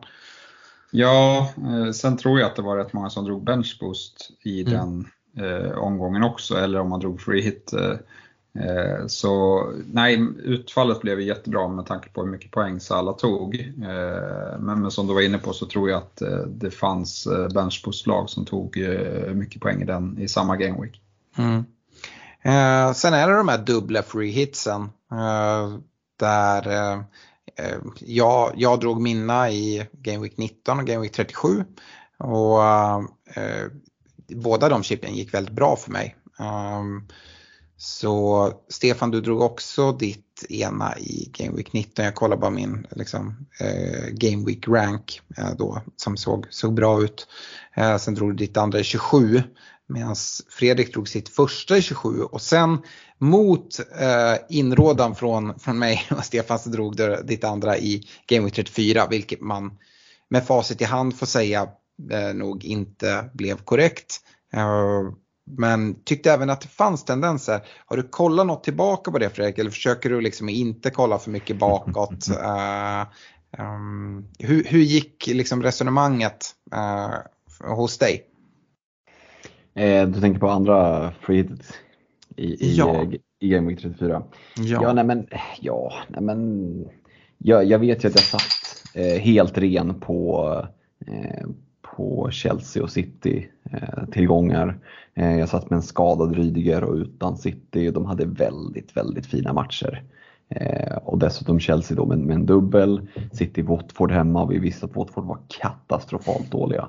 Eh, vi hade fått ett upplägg där liksom pepprouletten tenderade att skifta lite i ljus. Att helt plötsligt så var alla rutor för att Sterling skulle spela röda. Så vi var nästan säkra på att han skulle kliva in och göra 90, vilket han också gjorde. Eh, så att jag kände att här finns det ett läge och jag trodde ju framförallt inte att 36-37 skulle bli så oerhört poängutgivande som det blev. Eh, och det, det i kombination med att 34 blev liksom snark och man inte satt med Gabriel Jesus som gör fyra av fem mål för City. Ja, men det, det, det föll väldigt konstigt ut. Svårt att läsa den på förhand. Liksom. Um, det var ju liksom inte en helt misslyckad eh, free hit så. Det var ju fortfarande liksom en, en grön pil och sådär. Eh, problemet var ju att det var inte så stor kvantitet av poäng som jag tog. Jag kanske tog 10 eller 15 poäng eller 20 poäng i bästa fall på, på de man tävlar mot. Och det är klart att när då andra som tar free hit i andra omgångar tjänar 100 poäng, ja då, då blir det ju per automatik ett väldigt, väldigt misslyckat free hit. Ja. Eh, och, ja, vi hade en Wilfried Zaha som, som såg väldigt het ut och landade på 3 poäng och sådär. Så, Eh, jag, vet att jag i, i avsnittet efter det sa att jag skulle göra om det och jag vidhåller nog det ändå att får jag ett läge eh, för att ja, det är mycket väl alltså, jag tycker att jag läste många av sakerna ganska rätt ändå. Just det här med att eh, City skulle köra över Watford, ja det gjorde de. Eh, jag menar, hade, hade vi suttit med Sterling på, på fyra mål hade man varit liksom geniförklarat sig själv eh, och nu fick man stå och skämmas. Så det, det, känns ju kanske lite fånigt att prata om små marginaler men eh, eh, jag, jag, kan ändå se eh, att det inte var liksom ett fylledrag sådär att man oh, tryckte av ett, ett frihet. utan det fanns ändå någonstans eh, en kalkylering bakom det och jag vill ju inte tro att det var jag som påverkade för jag tror inte så högt om mig själv utan jag konstaterar bara att både Olle Hultqvist och Henrik Mattsson också valde att dra eh, sitt free hit den gameweeken. Och det gör någonstans att jag är ganska trygg i analysen om att det var inget på förhand jättekonstigt move. Det var ett väldigt vågat drag eh, som hade kunnat falla väl ut. Nu gjorde det inte det men eh, eh och vad det Klopp sa i intervjun här efter matchen att du måste liksom kunna, för att vinna stort så måste du också kunna vara beredd på att förlora stort. Eh, och jag kände att eh, det kunde vara min FPL-säsong som du beskrev där. Eh, så, lite så det är mm. känslan. Ja, eh, men eh, i alla fall kolla lite på chipsen sådär. Eh, går jag till egen del och bara kollar igenom hur gick den här säsongen. Att, eh, ja, kollar jag liksom med min overall rank eh, eh, tillbaka, då är jag liksom tillbaka på banan med min jämnhet. De senaste fem säsongerna har jag aldrig eh, slutat sämre än 45K eh, med en topplacering på 5K. Bortsett från förra årets missräkning där jag hamnade då ut, precis utanför topp 100K. Eh, och då hade jag en horribel start och gjorde liksom en, en bra upphämtning ändå. Och det är väl lite det som är skillnaden på förra säsongen och den här säsongen. Då landade jag ändå på 117 000. Eh, eh, men det var ju typ en av mina högsta, eh, eller liksom mina, mina lägsta rank på hela säsongen. Nu blir det liksom tvärtom. Kanonstart och så liksom min sämsta overall rank på hela säsongen var 53k och det var efter Game Week 36. Sen hämtade jag upp det med ett bra free hit, 37 och sådär men det är svårt att liksom släppa just att man ligger så bra så länge och det det var ju till viss del liksom i början eh, dopat utav att jag hade spelat bort min benchboost. Men det var inte heller, jag satte rent på chips som sagt. Jag hade mitt free i 37an och eh, sådär. Så jag är ganska nöjd med liksom min chipstrategi som, eh, som jag la. Det var den här wildcardet som, som jag missade, det andra wildcardet. Um, Glad såklart över att min triple captain på Sala flög. Det var liksom ett för självklart läge så att liksom, det är till och med jag som kan klara av det. Uh, ta med mig den här benchboosten i, i Game Week 1 som gör att jag liksom, men, jag tycker man ska inte, man ska inte ta, ta allt för mycket med vad man har för overall rank i, i Game Week 1 för att det, det brukar diffa ganska få poäng på ganska många tusen placeringar. Men det kan ge också ett, inre lugn. Jag fick liksom en, en, en Game Week rank på, på 11K eh, vilket är hur bra som helst. Uh, och som vi sa när vi gick igenom chipsen så är jag nöjd, nöjd med liksom resultatet av mina free hits. Uh, och det är egentligen mitt andra wildcard som, som inte funkade.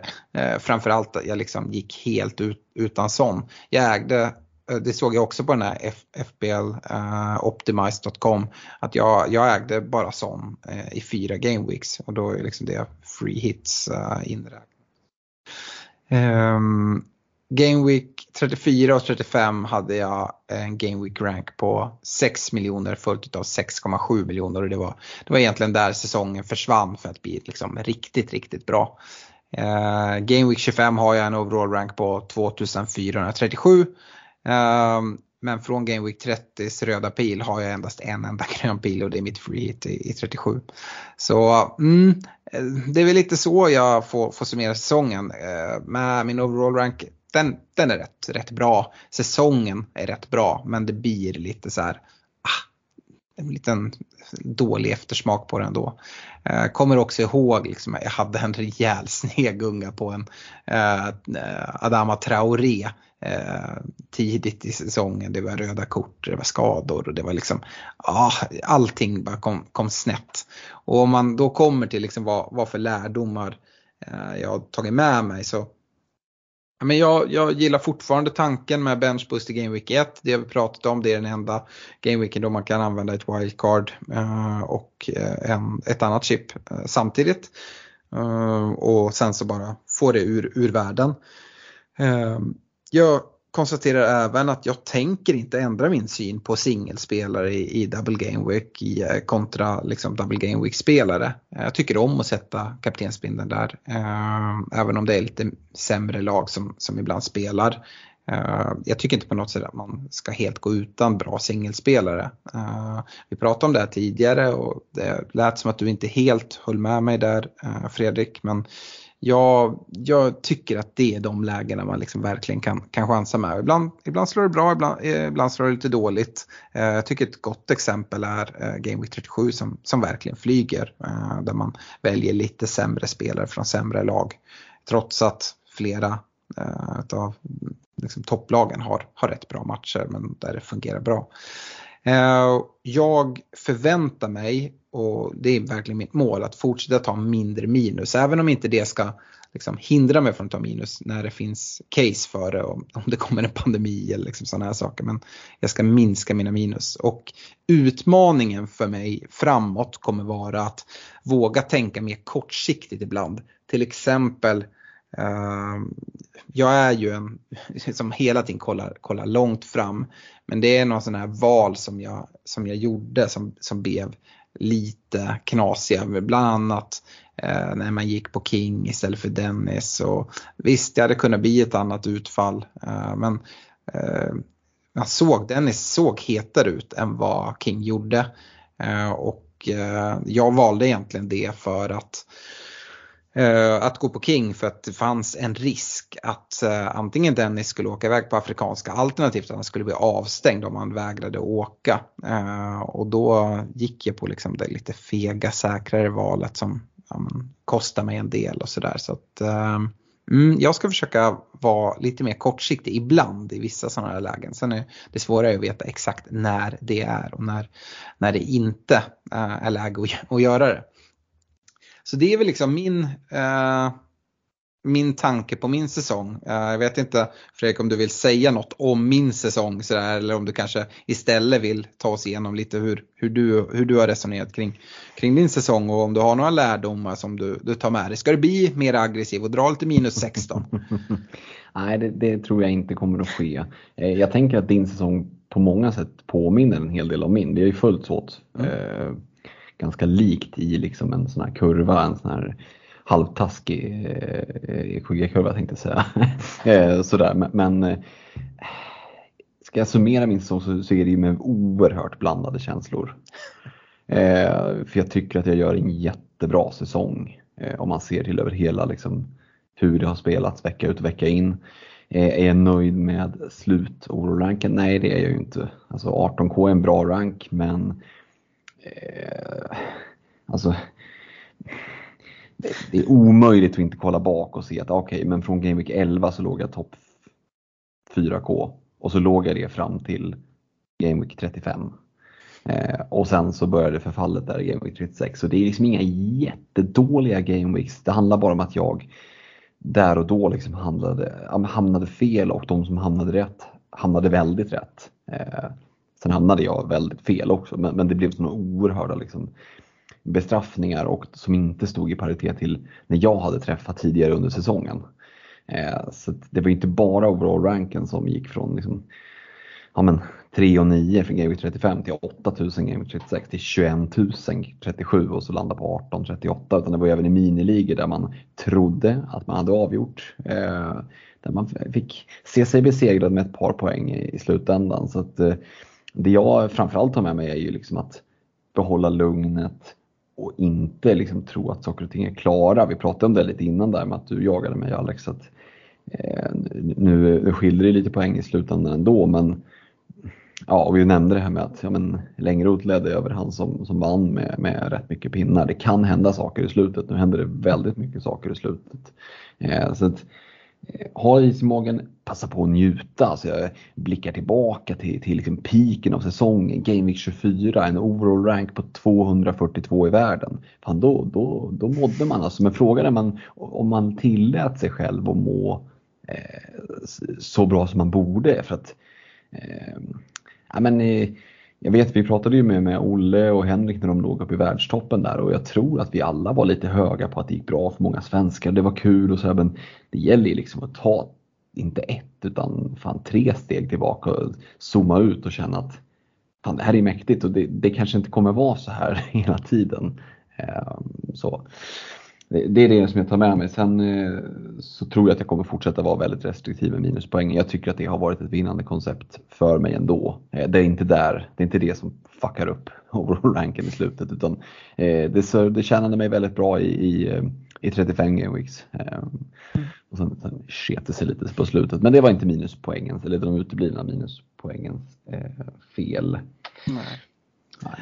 Ja, eh, Stefan du har ju redan varit inne lite på en lärdom kopplat till att du kanske kollade lite för mycket på, på mig och, och Fredrik där du ändå låg med väldigt bra liksom, sent och sen så kastade iväg en del chips och sådär. Sen var det en del omständigheter som gick emot men vad, vad har du för summering på, på din säsong? Hiring for your small business? If you're not looking for professionals on LinkedIn, you're looking in the wrong place. That's like looking for your car keys in a fish tank. LinkedIn helps you hire professionals you can't find anywhere else, even those who aren't actively searching for a new job but might be open to the perfect role. In a given month, over 70% of LinkedIn users don't even visit other leading job sites. So start looking in the right place. With LinkedIn, you can hire professionals like a professional. Post your free job on linkedin.com slash achieve today. Hold up. What was that? Boring. No flavor. That was as bad as those leftovers you ate all week. Kiki Palmer here, and it's time to say hello to something fresh and guilt-free. Hello Fresh. Jazz up dinner with pecan-crusted chicken or garlic butter shrimp scampi. Now that's music to my mouth. Hello Fresh. Let's get this dinner party started. Discover all the delicious possibilities at hellofresh.com.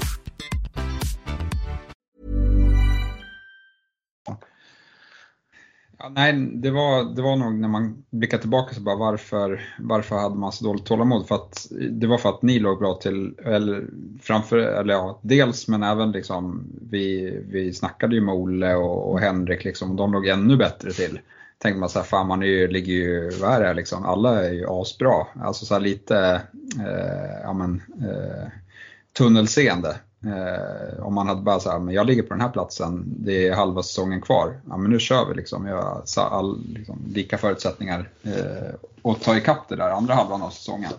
Så borde jag tänkt istället. Sen, för mitt första free drog ju du och jag Alex i samma game week. Eh, det var ju en speciell, det var ju boxing day och, och matcher blev inställda. Eh, jag hade dåligt lag, jag, sak, jag hade väl fem eller sex gubbar till spel. Eh, och, och, det slog ju fel för jag tog, jag tog ut Saka från mitt lag och bytte in Martinelli. Eh, Saka går ju två baljor, eh, får tre bonus eh, och Martinelli blankar. Eh, och det var framförallt det som man gick och var sur på efteråt med, med freehitet. Och sen, sen fick man ju dubbelsmällen i Game Week 20. För vår, vår tanke med att dra freehit i Game Week 19 var ju att då kan vi behålla Sala och få mm. han i Game Week 20. Och det är där och, och vi kappar honom och det är där han går och bränner sin straff mot, ja. mot Leicester.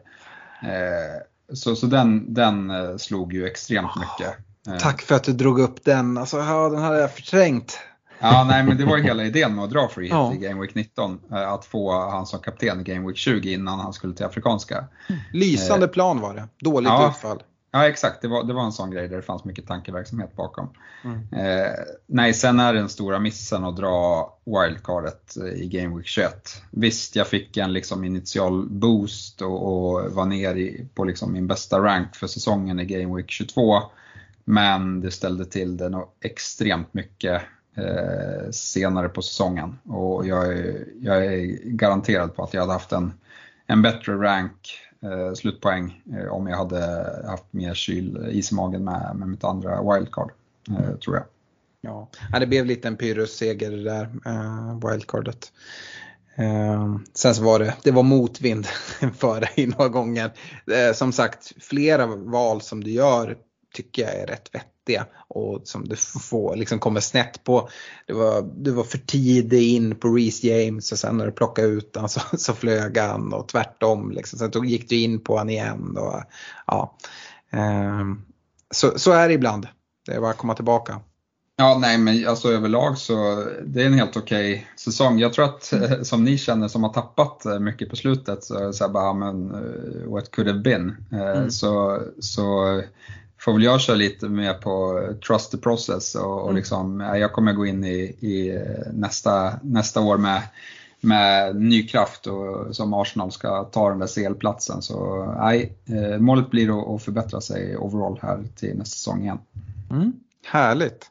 Eh, då har vi kollat in i våra, våra lag och eh, hur säsongen har varit, lite lärdomar. Jag tycker det är ganska vettigt att, att kika tillbaka lite, sen så hur, hur mycket man nördar ner sig i det. Men jag tycker det är viktigt att skilja på vad vi är inne på. När gjorde jag dåliga val där jag liksom gjorde tidiga byten som jag sen fick en käftsmäll på eller, eller ah, vad, det, vad det nu är. Och som du är inne på Fredrik, att man, jag hade gjort det här igen även om utfallet inte blev bra. Jag läste situationen rätt uh, med, mm.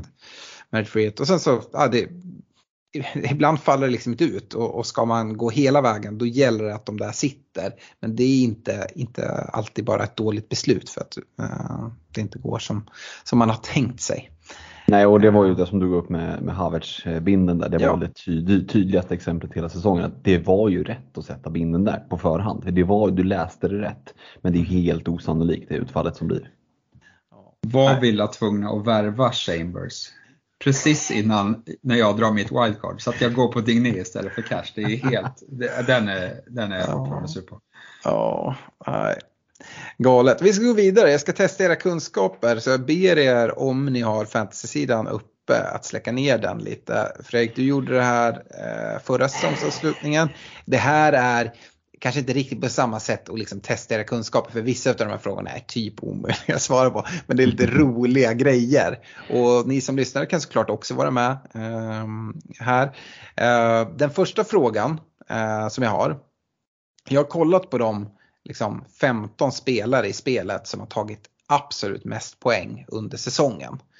Uh, och här sticker Liverpool verkligen ut. Och frågan är hur många utav liksom, i, i spelets topp 15 uh, poängskörd över säsong uh, kommer från Liverpool. Och eh, jag tycker att Fredrik kan få börja eh, svara på den här och, och liksom mm. se om du kan resonera dig fram till hur många ja, det är. Ja precis, nu ska vi se här. Sala, eh, nu ska jag räkna på fingrarna här. Sala, eh, Mané. Eh, Mané med där uppe, det måste alltså, han vara. Salah, Mané, Trent såklart, Robertson, eh, van Dijk. Eh, borde nästan vara med där uppe. Fem. Sen så eh, kommer vi återkomma till en kille när vi kommer till lite utmärkelse längre fram som är Joel Matip som jag vet var med högt upp. Jag säger, eh, eh jag säger sex spelare. Mm. Stefan, nu har fått lite fördel här att höra eh, Fredriks resonemang. Delar du något eller tycker han är ute och cykla på någon eller? Var, var frågan eh, utav de 15 spelare i spelet som har tagit mest ja. poäng? Uh, ja, nej, det, det är helt många. Jag, hade, jag har räknat till sju, uh, fast jag är osäker på den sista. Uh, jag tror hela backlinjen är med. och sen tror jag att, att Salah är med och att Mané är med. Och sen så har jag kastat in en Alisson också. Mm. Och det, då får jag ge poängen till, till Stefan, även fast han inte har rätt. Du har en kort. Det är åtta mm. stycken. För Jota ska med där också. Just fan, Jota. Ja, det är helt sjukt alltså. Eh, Sa Salah tar ju mest av alla i, i, Liverpool. Sen följt av Trent, Robertson, van Dijk, Mané, Allison, Jota och Matip.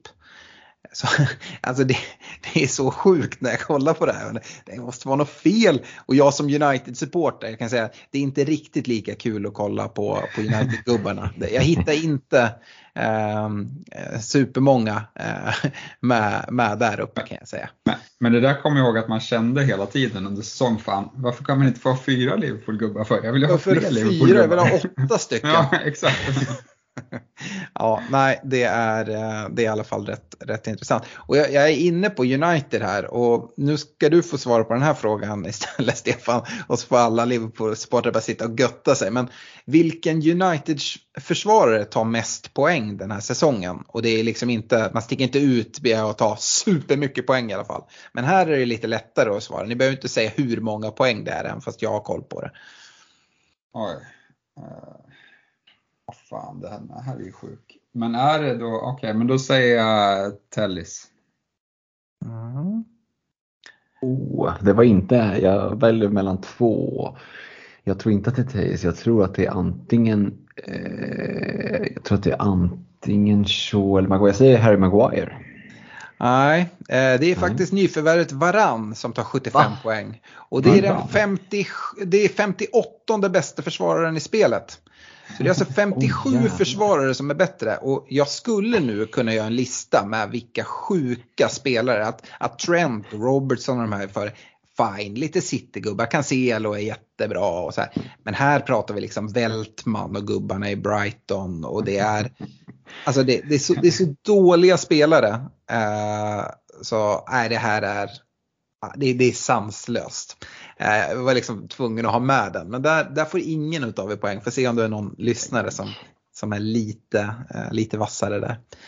Uh, här är också en svår fråga ska jag säga, men också som är ganska intressant. Och då får vi gå tillbaka till dig då Fredrik och svara först på. Och då mm. undrar jag vilken spelare som hade högst points per match. Och jag ska säga så här, det är inte en spelare som bara har spelat en match och gick in och gjorde något. Det är det inte. Um, men det kanske heller inte är den man liksom först tänker på. Det är inte Mohamed Salah kan jag säga till exempel. Um, så ja. Oj, points per match. Och det kan vara vilken position som helst alltså? Ja. Oj, eh, då borde det ju vara någon som inte har spelat jättemycket kanske men ändå gjort ett par baljer. Eh, alltså jag tänker att det skulle kunna vara någon helt crazy. Typ Danny Welbeck har gjort ett par baljer och inte spelat så mycket. Eh, men det kanske är lite väl, så mycket mål gör inte Brighton. Eh, jag säger att det är flest poäng per match. Luis Diaz. Mm. Oh, fan den är bra. Uh, jävlar. Uh. Då helgarderar jag mig lite med men jag säger Diaz, men jag vill ha med Welbeck som en uh, försäkring där. Mm. Ja, men både, fan jag brukar ju scrolla en del på points per match, men jag har inte gjort det på länge. Uh, Jota borde väl också ligga hyfsat till. Uh, Mares brukar man ju alltid kunna, kunna Mares, dunka in. Ja, det är ju... Uh, men du sa att du, du gav ingen mer ledtråd. Han har inte spelat två matcher, det är typ så, men han har spelat några stycken. Ja, alltså han har spelat några stycken. Uh, men jag kan inte ge dig Jag går på en outsider. Uh, ben Rama. Oh, det börjar så fint med Ben Chilwell. Ah, Chilwell-jäveln ja. Inte helt oväntat när man hör det så här men det nej, är också nej. svårt att tänka tillbaka på. Man har alltså ett snitt på 7,9 poäng per match och det, det, är också något som kan vara värt att ta med sig till, till nästa säsong. Mm. Uh, Torshäll bygger vidare i det här laget och Bempa ja. Chilwell uh, ska köpa en minut i sista mm. gameweeken här. Ja, drog ju ner hans eh, points ja, per match där. Eh, och så ska man ha med sig. Eh, nej, men hans 7,9 då är att jämföra med Salah som har haft en makalös säsong, 7,6, vilket är imponerande för att spela så mycket. Son 7,4 och Trent 6,5. Men Ben Chilwell är nog någon att hålla ögonen på om eh, FPL eh, fuskar lite i sin prissättning eh, och prisar honom eh, betydligt lägre än andra eh, premiumanfallare. Eh, kan nog vara, vara något att, att kika mot kanske. Eh, då, eh, vi har två frågor kvar. Eh, och eh, det, den, här, den ena frågan här som kommer nu, den kan man få två poäng på. För jag undrar vilka två spelare som har eh, stigit mest i pris under säsongen. Eh, så det är alltså de två spelare som har stigit mest i pris under säsongen. Och eh, jag tänker att eh, eh Nick, alltså att eh, Stefan börjar svara eh, ett namn och sen får eh, Fredrik svara eh, ett namn. Mm. Okej. Okay. Fan, nu, alltså från, från starta till, till vad de är värda? Ja, precis. Ja, då är det svårare. Eh, fan började de på? Eh, ja, men jag, jag kör Trent. Mm. Ja, Fredrik, då får du mm, komma då med någon. Jag med Jota. Mm. Tillbaka till dig då, Stefan. Du kan såklart välja att svara det som, som eh, Fredrik drog i sitt första svar om du vill det, om du tror på det. Nej, jag går på Bowen. Mm. Bra shout. Tre olika jag, namn. Ja, jag tror att jag kör på Jota och Trent faktiskt. Mm, och då har ingen av er med varken Cancelo eller Son som båda då stiger med 1,2. Uh, Vad fan steg Trent med Tycker inte att de är helt liksom uh, outsiders. Uh, nej, nej, verkligen. Men, Uh, ja, jag, jag, tror också att vi kommer se en, en prishöjning på de här två spelarna till, till nästa säsong när fantasy sätter priserna kan jag, kan jag också uh, meddela. Den kommer, Sist... bli jobbig, den kommer bli jobbig med sån där för man tyckte att han var ganska högt ja. prissatt inför säsongen. Han kosta liksom 11,5 miljon då? Ja. Mm. Det behöver den ju nästan göra tycker jag.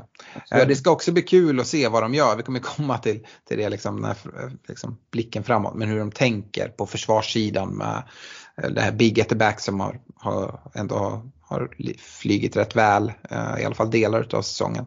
Eh, hur, man, hur de kommer göra. Men sista frågan är då vilka tre spelare var med i Dream Team flest gånger under året? Alltså, i FBL har tagit flest poäng i den gameweeken och tar sig in i, i Dream Team 11.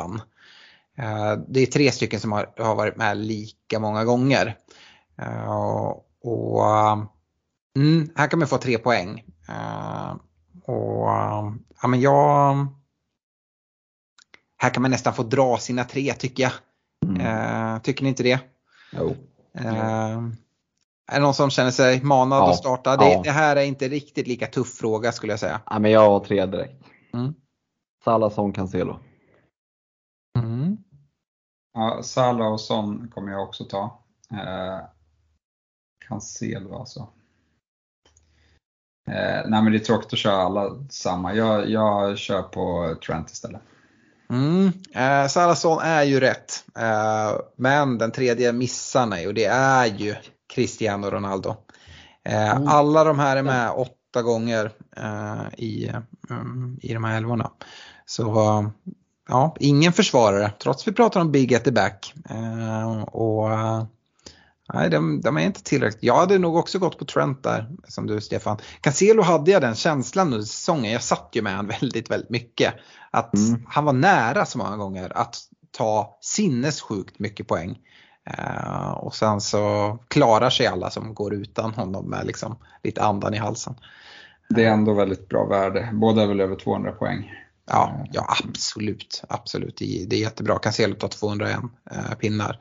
Uh, Trent tar 208. så att, Men, nej, jag tar vi får väl utgå från att det är ett antal lyssnare som, som slår, om i alla, i alla fall mig, för jag tror inte att jag plockar den pinne, men, men ja, kudos, kudos till er som, som lyckades plocka ett par poäng i den här. Men det, ja, det, det är ändå, man tycker att man har bra koll, men eh, det har man inte i allting vad det gäller detaljerna. Det, det är, tuffa, det är tuffa frågor också, men jag tycker det är så lite roliga grejer att ta med sig. Alltså det är helt sanslöst att eh, Liverpool har åtta stycken av topp 15 poängplockare i spelet. Mm. ja, det är, det är galet. Jo, men det, är, det är roligt med sådana här resoneringsfrågor där man kan mm. resonera sig fram till ett, till ett ganska hyggligt svar ändå. Eh, mm. och sen så, ja, om det nu inte var Trent Cancelo, det var Ronaldo istället. Det går ju att köpa liksom. Eh, mm. kontra när man är helt ute och cyklar. Eh, sådär. Ja. Eh, vi ska ju gå till säsongens utmärkelser och prata lite så här årets FBL-spelare och så. Jag vet inte hur ni har gjort, vi har inte pratat ihop oss jättemycket. Om ni har tagit ut en gubbe eller så här. Jag har lite flera som jag tycker man kan stanna upp och, och, och prata om. Um, och kanske om jag måste tvinga säga en så vet jag nog ganska säkert vem det är jag kommer, kommer plocka. Men um, Fredrik, vill du börja? Det kan jag göra. Ska jag dra igenom eh, alla tre kategorier som vi tänker oss eller hur vill du? Nej, men vi, vi stannar på årets FBL-spelare och så mm. går vi vidare därefter. Vill du fråga hur vi har lagt upp det och som du sa och nämnde där så har vi inte pratat ihop oss. Jag har helt enkelt gjort det jävligt enkelt för mig och gått för ett gammalt klassiskt travlås. Så jag har två, två spelare på varje utmärkelse. Eh, mm. Eh, och på säsongens FBL-spelare så tycker jag att det känns ganska givet att ha just två spelare därför jag tycker att Salah och Son eh, är de två som sticker ut ifrån mängden som har varit så otroligt bra under säsongen. Eh, så för mig, alltså Salas höst som han gjorde den är ju helt magisk och, och kollar vi Sons eh, poäng här nu under, alltså om de skulle spela det man kallar för alltså det man kallar för fyrboll bästboll i golf för den som lirar det.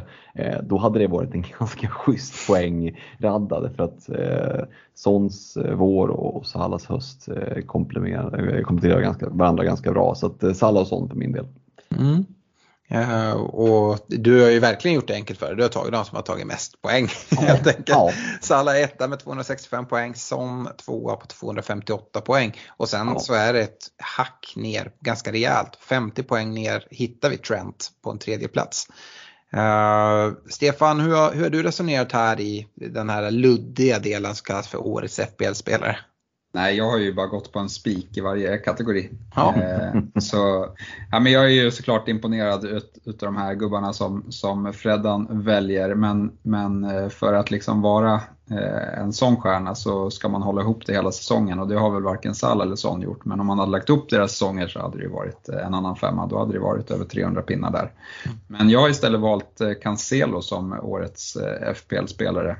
Börjar på 6 millar och Eh, har väl egentligen, som du var inne på där Alex, tagit eh, färre poäng än vad han borde ha gjort. Mm. Det är i alla fall känslan att när man har suttit och ägt honom att det hade kunnat blivit mer poäng och när man, jag som inte ägde honom i slutet var, satt och andades ut efter varje omgång när han inte tog poäng, när han hade skott i stolpen och massa bra inlägg och, och grejer. Så att, nej, 201 pinnar i underkant och det fick man för 6 miljoner i början av säsongen. Ja, och helt eh, egentligen immun mot den här uh, rouletten som Pep sysslar med eh, till stora delar av säsongen också. Så att eh, det blev ju lite, ja men Mandy försvann ifrån och, och sådana saker så att eh, det är kanske inte kik- jättekonstigt. Mm. Han har vilat en match sedan Game Week, eh, Game Week 18 mm. och spelar 90 i resten. Ja, nej, så är det. Eh, ja, men jag, jag har, ska jag nämna ett namn så, som ni inte har nämnt så är Jared Bowen. Han tar ju faktiskt mer poäng än Cancelo. Eh, spelar i ett West Ham, tar 206 poäng. Och det är också en spelare som blir intressant att se vad, vad FBL väljer att göra med rent prismässigt. Eh, om man blir kvar i West Ham. Jag skulle tro att han blir det.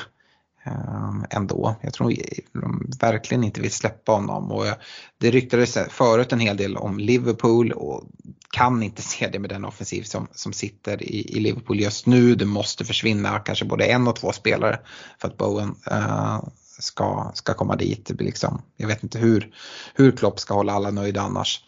Uh, men uh, nej, Bowens 206 poäng, alltså det är så imponerande och han liksom gör det bra under men, absolut största delen av, av säsongen. Eh, superimponerad verkligen utav Bowen. Eh, sen har jag spelare som jag tycker förtjänar omnämnanden som eh, Madison i Leicester, Saka i Arsenal. Eh, absolut.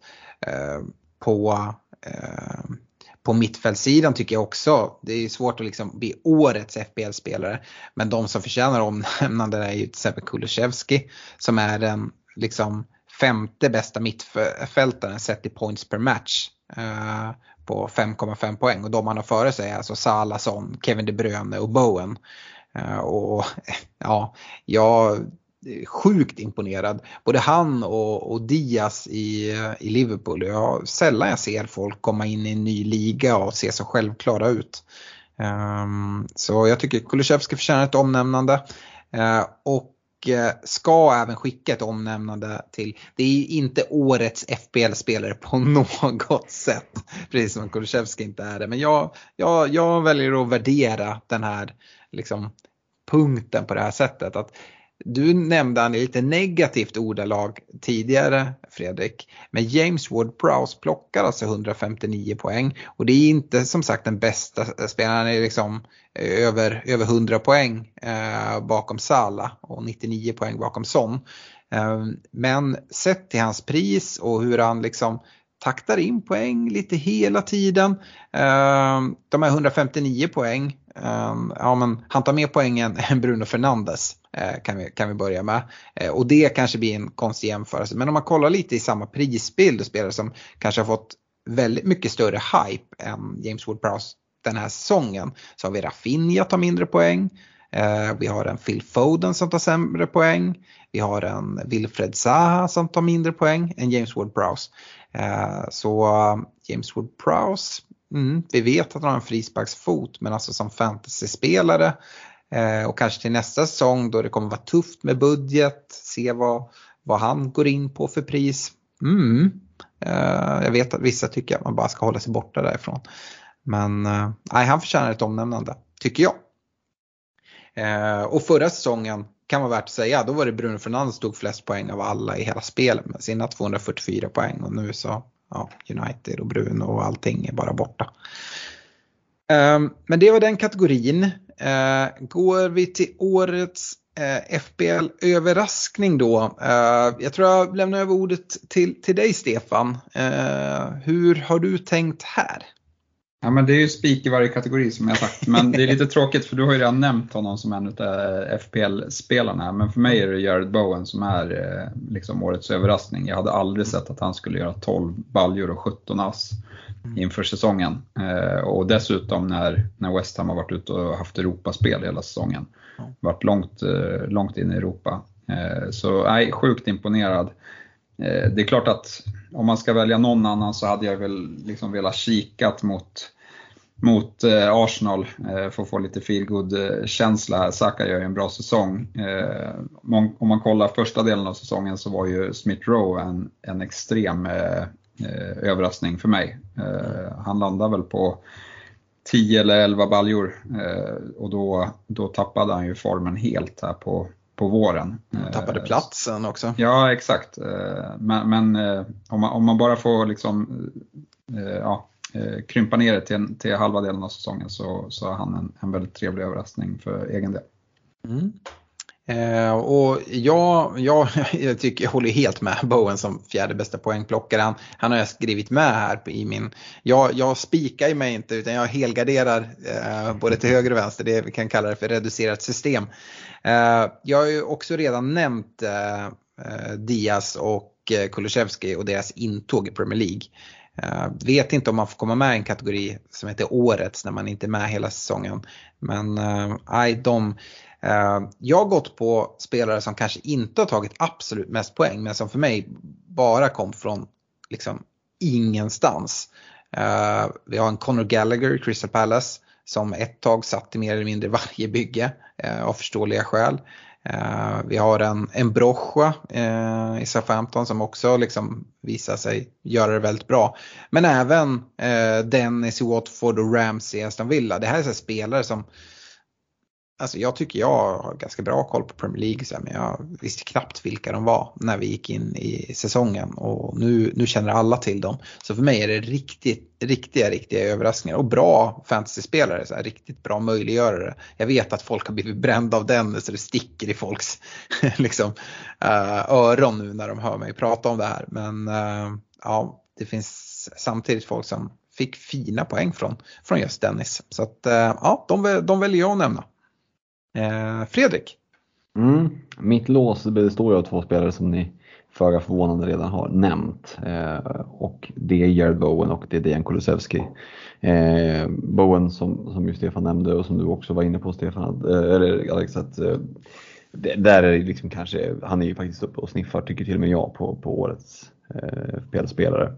Eh, gällande Kulusevski så tycker jag inte att han är i närheten av det men jag vet ju hur vi pratade när han kom, när han värvades, så var det ju liksom att ja, wait and see och det var väl lite sådär småsvalt eh, skulle jag säga och han var ju ganska, inte hatad, men väldigt ifrågasatt av Spurs-fansen i början just för att de ville ha in ett stort namn och så fick de liksom Ginger Swede. Det, eh, att han skulle stå med liksom en egen sång där eh, ett par månader senare och göra sån succé, det, det var det ju väl ingen som såg egentligen. Eh, möjligtvis de som Conte och de som värvade honom. Eh, så jag tycker att Bowen och Kulusevski är lite en egen eh, liga vad det gäller liksom, eh, en överraskning att slå så hårt. Eh, sen är du inne på, du nämner en del namn liksom man såklart kan eh, hålla med om en Gallagher och sådär. Men då har det mer varit att man har stuckit upp eh, ja, men lite kortare perioder. Bowen Kulusevski, det som jag tycker är imponerat är att under hela deras tid i ligan. För Bowen hela säsongen, för Kulusevski halva säsongen så har de liksom levererat konstant. Eh, och det är för mig en, en, stor överraskning för att andra spelare kan sticka upp och göra liksom vi kommer alltid att se, nästa säsong så kommer vi också se ett par nya namn. Men just det här att hålla en jämnhet. Så, jag, menar, jag har ju gått typ utan Kulusevski hela säsongen och det ska gudarna veta att det har fan straffat med. Så, eh, med rätta, för jag borde ha klivit på där eh, när jag såg att han var bra. Men eh, kom inte riktigt in, eh, satt med Son och Kane. Så att, mm, Kulusevski, Bowen. Jag gjorde en liten sån här uträkning, bara räknade på antal spelade minuter eh, genom antal poäng. Då får man ut en siffra som är hur många minuter du måste spela för att eh, tjäna in en FPL-poäng. Eh, och jämför då med Salah som, som behövde spela 10 minuter för att ta en poäng. Eh, så går vi ner till Bowen Kulusevski och då är vi uppe på 12 för Kulusevski, 14 för Bowen. Så det är fortfarande liksom väldigt bra siffror. Eh, mm i hur många minuter de, de, måste spela för att, för att sopa in en poäng. Och kommer vi till sista kategorin där, ja, då är det väl eh, eh, inte riktigt kanske lika bra. Eh, skulle jag slänga, ändå slänga in ett namn som vi inte har nämnt eh, på, som kan utmana på årets FPL-överraskning, då är det Joel Matip. Mm. Eh, det tycker jag är en överraskning att han har hållit sig skadefri. Det måste fan, det måste fan vara årets överraskning egentligen. Kanske inte FPL kopplat så, men att han tar 170 poäng 16, 16 minuter de spelar för att ta en poäng i FPL liksom i sin, och med en prisbild på, han slutar på 5,3. Eh, gick väl in på, vad kan han ha gått in på, 5,0 kanske? Eh, från början. Ja, eh, så det var väldigt, väldigt överraskande att han eh, eh, slutar på så, så höga poäng för det har han eh, sannoliken inte gjort tidigare säsonger och det har ju varit ja, men väldigt mycket på grund av skador. Eh, han, har ju liksom, han har inte tagit över 100 poäng eh, någon säsong tidigare. Eh, så att eh, Bowen Kulusevski med då ett litet omnämnande till Matip. Mm. Han, Matip ska verkligen, verkligen ha den. Som sagt, han är, han är på plats, plats 15 av dem i hela spelet som tar mest poäng. Och de försvarare som är före honom, det är, det är Trent, det är Cancelo, det är Robertson, van Dijk Eh, ja, det är de. Det är alltså Cancelo uh, och sen så eh, resten av Liverpool-gänget. Liksom. Så ja, det är rätt imponerande. Vi, vi har ju pratat upptrippling i Liverpool-försvaret inför tidigare säsonger mm. och det är ju aktuellt igen ja. skulle jag säga. För nästa år kommer Salah kosta extremt mycket och Eh, ja, men det är bara att kolla på de här poängen som de här gubbarna drar in. Och det är väl framförallt, jag tror att man kom väldigt snett på det förra gången när vi pratade om det, för då gick ju van Dijk sönder. Mm. Eh, och det blev inte samma sak. Men, men liksom när Fabinho spelar eh, framför backlinjen där, då, då släpps det inte in mycket mål. Nej, sen alltså gå utan Sala oavsett prissättning, alltså just med kaptensbindlar och sånt så, som han såg ut ja, men, här under hösten, det, då är det ju då är den, det är den säsongen i så fall. Ehm, men gör han en sån höst igen, ja, men, absolut, jag, jag hör vad du säger. Jag, jag är inte där riktigt. Men vi får se när priserna släpps och sånt där. Nu ska vi gå in på eh, årets FBL-besvikelse. Det är kul att du nämner Liverpool, eh, Stefan, för jag kollade i förra årets säsongssummering. Det var faktiskt Eh, en av de punkter jag tog upp. Det var Liverpool, som, och framförallt Liverpools försvarare som var en rejäl besvikelse. Nu har vi pratat om att alla var med där. Man får jämföra deras poäng. Alltså Uh, Allison tar 140 poäng, Robertson 161, Trent 160. Uh, eh, Van Dijk får man ju inte räkna in eftersom han knappt spelar, han tog 15 poäng förra säsongen. Uh, och sen Phillips tog, tog 68 poäng. Det är liksom det är Liverpools bästa försvarare eh, för förra säsongen. Alltså, det är ju helt, helt sans, sanslöst. Eh, men eh, vilken comeback av, av, Liverpool. De är inte med som min FPL-besvikelse kan jag säga. Eh, jag har gjort så här här, det, ni, nu tycker ni att jag fuskar.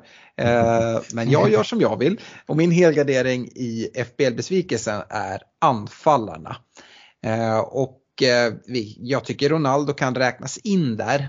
Eh, även om han är med, alltså sett i säsongen, han tar 159 poäng och det är, det är ändå en del poäng. Det är väl mest i, i United, absolut. Men, äh, det är, men även därefter, men Lukaku, jag vet liksom inte, 87 poäng landar han på. Calvert Lewin tar 64 poäng.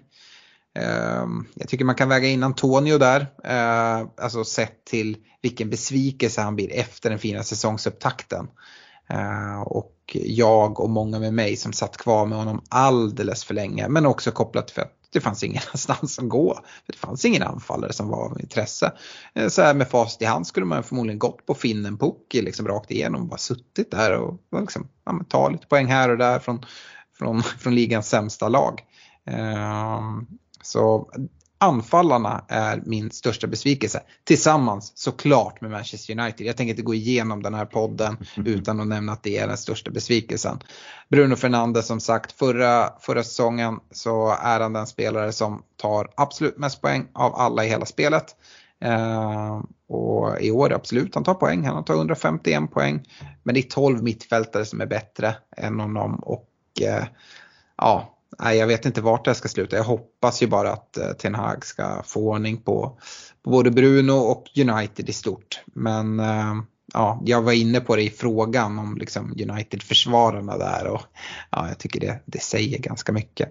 Så, vad tror du Alex, vad tror du Alex om prissättningen på på just Bruno. Eh, den blir ju spännande att se hur de hanterar nu då.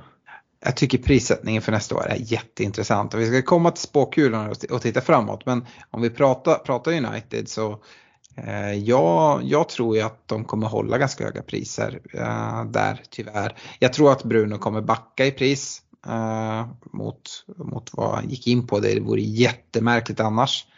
Men ja, alltså de kan heller inte prissätta honom liksom jag vet inte, alltså ett rimligt pris på, på Bruno sett till den här avslutningen, kan den vara 9,5? Det... Började på 12 den här säsongen. Ja, eh, och därför kom, de kommer inte sänka honom till 9,5. Men kopplat till att vi vet inte hur det kommer se ut med straffar i United, hur kommer United se ut? Jag, jag tror inte att de gör det men jag skulle vilja se en under 10 och jag är inte alls säker på att jag hade plockat in honom då. Uh, ja, jag tycker det är intressant. Det är väldigt många spelare som ska prisas upp i pris och då måste de sänka spelare. Och ja, exakt vart det sker det blir, det blir intressant att se. Uh, yes. Uh, Fredrik, vill du ta vid där med, med din FBL-besvikelse? Du tyckte väl inte att United var en besvikelse alls? Det var ju bara helt underbart att se. Det var det ju såklart, men, men med rätta så, så nämns de ju som en FPL-besvikelse om vi ska försöka mm. och, och liksom ha våra lagsympatier. De, vi kan ju aldrig lägga dem åt sidan helt, men vi kan ju liksom ha dem på axeln i alla fall istället för i det bultande hjärtat som man har under de där 90 minuterna när matchen är igång. Mm. Eh, så definitivt ska det nämnas, men jag är helt inne på ditt spår. Mitt eh, lås om två spelare så är det då två som du har nämnt och det är Lukaku och Antonio. Eh, jag tycker att det är de två som jag är mest besviken på. Eh, lite av olika anledningar. Lukaku för att han kom och vi visste hur bra han hade varit inte. Vi visste hur bra att han hade varit tidigare i Premier League. Han var Premier League-proven. Han har en attityd som ju är ja, men lite jag är ganska bra och, och med all respekt Romelu Lukaku, du var för jävla dålig i störst, större delen av säsongen och du har inte gjort det lätt för dig heller. Intressant att se om han blir kvar överhuvudtaget. Eh, ja, det ska bli oerhört intressant att se utvecklingen där men för den här säsongen så nej, det, det är underkänt. Eh, och Antonio nämnde det, ja, men det började liksom tvåsiffrigt tre gameweeks i rad och sen dog det. Eh, och jag hade köpt det om han hade dragit en baksida men vet fan om han drog någon baksida den här säsongen. Det, han bara sprang och sprang och sprang och, och så hände det ingenting. Så att, nej, Eh, jag tror att West Ham kommer att värva in en eh, rejäl striker till nästa säsong och då är jag inte så säker på att Michael Antonio har en given plats. Så att hans priset, nu landar vi på prissättningen hela tiden, men det är ju så som FPL-nörd så är det ju någonting som man verkligen liksom funderar på hur kommer de hantera det här? Låt säga att West Ham köper in en rejäl striker, eh, kanske från något annat Premier League-lag, vem vet? Eh, hur kommer de hantera en prissättning på Antonio då? Det, det blir intressant att se. Ja, jag tycker du är hård mot honom. Han är väldigt nyttig i West Hams spel och sett till liksom de poäng som Bowen tar och sådär. Han kanske inte alltid kommer i poängen men han är väldigt, väldigt nyttig för West Ham. West Ham gör ju en kanonsäsong ska man säga. Absolut. Uh, och så. Men uh, ja, jag, är också, jag nämner han också i min besvikelse med Calvert Lewin tycker jag. Liksom. Så, uh, visst skadad uh, en, en lång period, kommer tillbaka och sådär men 64 poäng va? Ja, eh, Stefan, Lukaku måste väl vara med även för dig eller? Nej, jag har ju en spik i varje kategori ja. och jag, ni har inte grävt så djupt här så det, den här spelaren, han är nog inte så besviken men han har halverat sin målskörd från förra säsongen och han gör 25% av de assisterna han gjorde förra säsongen. Ska vi, ska vi plocka vem det här är nu eller? Han tog 86 pinnar, ja ni kan få gissa det. Oj. Är det Marcus Rashford eller? Nej, det, skulle, det är en bra gissning. Jämfört med vad han gjorde förra säsongen, för han, förra ja. säsongen tog han mycket poäng. Eh, jag kan kolla nog ganska snabbt. Eh, Mm, jag tänkte säga Callum Wilson. Nej, inte. Ja, Bamford kanske, men där är vi också inne på skador. Jag vet inte om det är det. Nej, nej de, de, han spelar ungefär lika mycket minuter här. Eh, kan ju tillägga att han, han är inte så missnöjd. Det, det, det betyder ju att han, han kanske vann en liten ligatitel. Eh, ja, okay. Han kostade en miljard. Mm. Jack Grealish. Ja. ja. Mm. Eh, han hade jag väldigt mycket större förhoppningar på. Eh, och där kanske man får söka upp nästa säsong för det är möjligt att vi har sett spelare som har kommit till, till Guardiolas eh, City och inte levererat första säsongen men, men blommat ut andra säsongen. Eh, får se om, om Grealish har det i sig men, men eh, väldigt besviken på hans FBL-säsong i alla fall. Tre mål och tre ass landade på förtjänar ju definitivt ett omnämnande i FBL-besvikelse. Så jag är glad att du plockar upp den här eh, Stefan. För jag hade inte riktigt eh, hittat dit. Men det, det, känns ganska självklart när, när du nämner honom. Uh, och att nämna honom i samma mening som Lukaku är ganska passande också skulle jag, skulle jag väl vilja säga. Um, Yes, det var väl lite de utmärkelserna vi eh, tänkte kika lite på. Jag vet inte hur mycket utmärkelse det är att vara en sån som besvikelse. Eh, men jag fick, jag fick med några gubbar där i, i Marcus Rashford och skickade lite kängor till United-gubbarna. kan de gott ha. Eh, kollar vi in i, i våra ligor, de är avgjorda nu. Eh, och Eh, vi har ju bett eh, de höra av sig till oss i, i, eh, i på, via Facebook. La vi ut topp 20 i poddligan. Har ju, har ju vunnit olika priser. Alltifrån Joakim Längroth som vann 5000 kronor med Olka Sportresor. Eh, till eh, ja, men eh, vi har några som vinner Nakata eh, presentkort på 500 spänn, Unisport Store 1000 kronor, presentkort hos Glenn Sportsbar eh, och sådär. Så att eh, om ni eh, känner att jag har gjort en riktig kanonsäsong eh, så in och kika, namn med, hör av er. Skriv till oss på Messenger eller skicka ett mail på svenskafpl.gmail.com så eh, ser vi till att ni, ni får era priser. Och är det så här att eh, man inte hör av sig här på ett tag då, ja, då får vi väl eh, se vad vi gör med de priserna. Eh, de eller någonting. Så se till att, att vara lite med i matchen här. Vi går väl inte igenom liksom, nämner alla namn i topp 20 men alltså shoutout till er alla. Det är sanslösa poäng. Det krävdes alltså Eh, 2702 poäng för att komma eh, topp 20 i, i poddligan. Eh, Christian Olsson lyckades smita in där på 20 plats. Eh, och ja, eh, som sagt Joakim eh, tar dryga 100 poäng mer och är uppe på 2809 poäng vilket är helt, helt otroligt. Eh, grymt jobbat eh, allihopa. Eh, vi eh, kikar även in i Glenligan och ja, det är ju lite tråkigt kan man tycka. Det är samma namn som nämns men det är också för att det är en fantastiskt duktig människa. Men Joakim Längroth plockar ju hem dem. Eh, svårt att spöa världsnian. Eh, och det Ja, det krävdes 2844 poäng för att vinna Eh, liksom bäst i världen. Så att Joakim var några poäng bakom där. Eh, och det, det är väl vad det är. Eh, jag var inne på det att bästa engelsman först kom på 15 plats och vi har faktiskt tre svenskar som, som är, är före bästa engelsman i alla fall.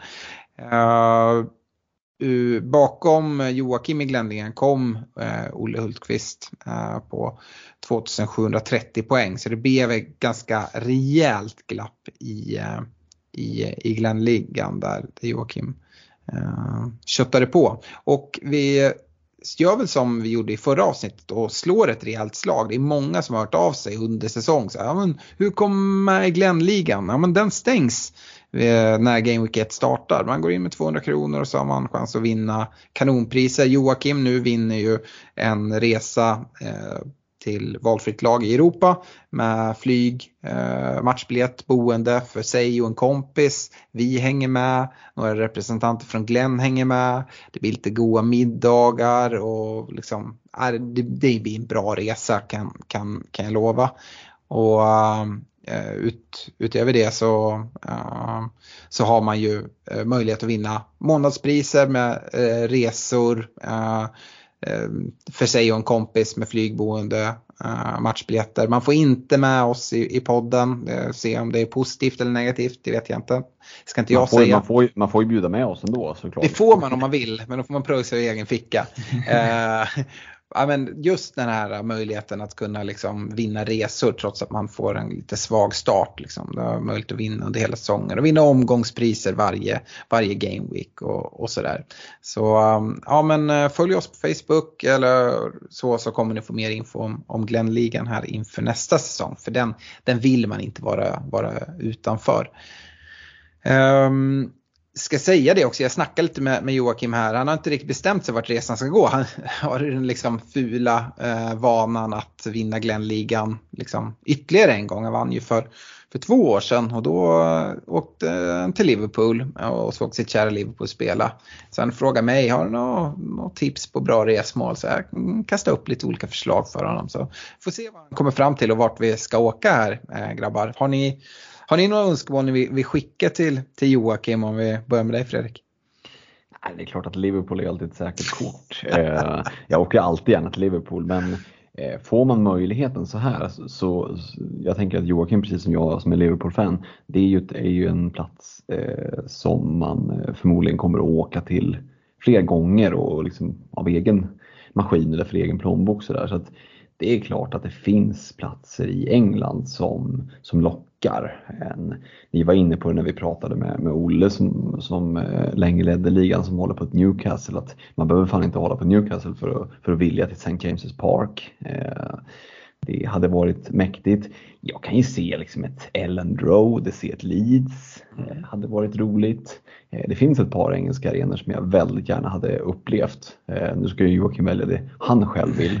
Ehm, jag vet att jag på frågan svarade om jag fick åka var jag ville någonstans. Jag svarade San Sebastian och det får jag väl stå fast vid mm. också. Men det är klart att någonstans som de anglofiler vi ändå är så är väl England eh, ligger nära till hands och plocka något där.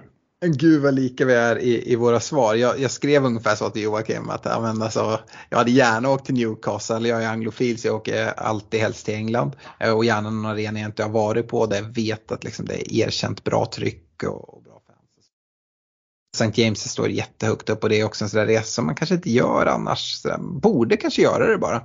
Um, men uh, det hade jag gjort. Jag kastade även in, det beror lite på vem man åker med. Är det så att han ska åka med liksom, frugan så, här, så San Sebastian är ett ganska trevligt resmål om inte annat. Se Alexander Isak, se om han blir kvar, vilket jag tror att han blir. Um, bra restauranger. Men även liksom, ja, en av de häftigaste städer jag någonsin har varit, eh, varit i och som också har liksom en hyfsad fotbollskultur och bra, bra läktare är ju Istanbul och liksom se Galatasaray. Det är också något man liksom kan trycka in och eh, det är liksom tak, takterrassernas mecka i Istanbul. Det finns bra, bra ställen där alltså. Eh, ja, Stefan, har du något? Eh, ska du åka till London, eh, Emirates, se Arsenal och Arteta spela fotboll eller? Ja, men det behöver jag inte göra med, med Joakim. Eh, jag tycker det är jobbigt med så här gruppresor och kolla på Arsenal. Vet ju hur det gick sist. Gå hem i halvtid och så. Ja, exakt. exakt. Eh, nej, men det, det, är klart att det står högt upp på önskelistan att åka och kolla på, på fotboll på Emirates igen. Eh, det var länge sedan jag var där. Eh, men nej, men ja, det, det, finns många resmål som jag inte har varit på. Jag har inte varit och kikat på tysk fotboll. Det ska vara bra läktarkultur. Kanske, man kanske framförallt tänker på Dortmund. Hade, hade man väl upplevt. Det hade varit coolt att eh, åka till Milano eh, och se Milan eh, liksom visa upp Scudetto-segern här nästa säsong. Jag tror det kommer vara bra tryck på, på deras hemmamatcher. Så, men, men annars, alla, allt, allt i England funkar också.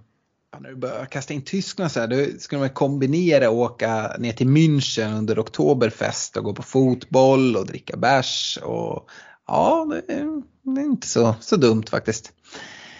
Ehm, ja, vi får se vad Joakim väljer. Det blir en rolig resa oavsett, det är jag helt säker på. Och ehm, faktiskt kan jag hålla med dig där ehm, Fredrik att Liverpool är ju en riktigt härlig stad. Ja. Så att jag har inga problem att åka dit om det skulle bli så. Han behöver inte skämmas om han, om han väljer Liverpool igen. Absolut. Eh, innan vi avslutar det här så skulle vi plocka fram den här lilla, lilla spåkulan och kika lite mot 22-23. Och um, det har blivit ett långt avsnitt här men det, det, får, det får vara så. Eh, det blir väl, vi får se när vi kommer med nästa avsnitt helt enkelt. Eh, jag tycker att vi har en ganska spännande transfersommar framför oss. Vi vet redan att eh, Haaland är klar för City. Eh, United har plockat in Ten Hag. Det lär ju hända en del där. Eh, det kommer det behövas. Vad händer med Chelsea? Och, ehm, och så. Uh, så ska vi stanna lite i den här transfersommaren och det blir ju lätt att stanna vid Håland. Vi har haft diskussioner i, i Patreon-tråden såklart om det här och vad ska han landa i för pris. Har ni några liksom, gissningar på Hålands pris? Om vi börjar med dig Stefan. Nej, det är svårt. De, alltså, jag tycker att varje år så prisar de ju anfallarna för högt eh, hela mm. tiden. Det såg vi i år. Liksom. Det, nu spottar väl Kane upp sig här andra halvan av säsongen och Ronaldo gjorde, gjorde ett par baljor men de kostar ju för mycket versus vad, vad man får för poäng från mittfältarna. Mm. Eh, och det kommer väl vara samma sak med Haaland, han kommer väl gå in på ett riktigt högt pris. Men, ja, men säg 11,5. Eh, mm. Fredrik? 11,5? Ja, jag tror inte det räcker tyvärr. Alltså, det var väl någonstans där Lukaku blev, men jag tror att Haaland kommer vara så hypad och eh, de kommer att tänka att många kommer att vilja ha honom för att han är så hypad. Jag tror han kliver in på 12,0. Mm. Jag hade hoppats att du skulle säga 12,5 och skulle jag gå in mittemellan. 12,0 eh, tror jag. Jag tror att, och jag är inne på samma som, som Stefan egentligen, att eh, de prisas generellt sett för högt, eh, anfallarna. Men Ehm, jag tror att de är livrädda för att prisa för lågt. Ehm, för att då kommer alla vilja gå dit. Ehm, frågan är liksom hur, hur Pep kommer välja att, att använda honom. Det tycker jag är mer intressant. Jag tror ju, alltså City vräker ju in mål.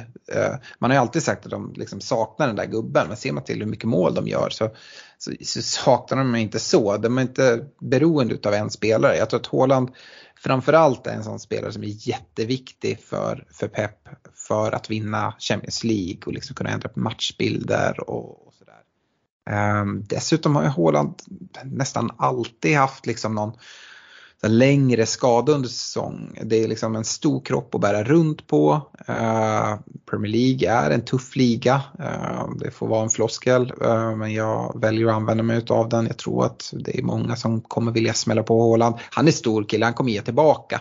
Men det kommer slita på honom och Pep kommer han då vilja spara honom till de viktigaste kuppmatcherna för att vinna, vinna titlar. För det funkar ju alldeles utmärkt att spela med falsk nia i, i City.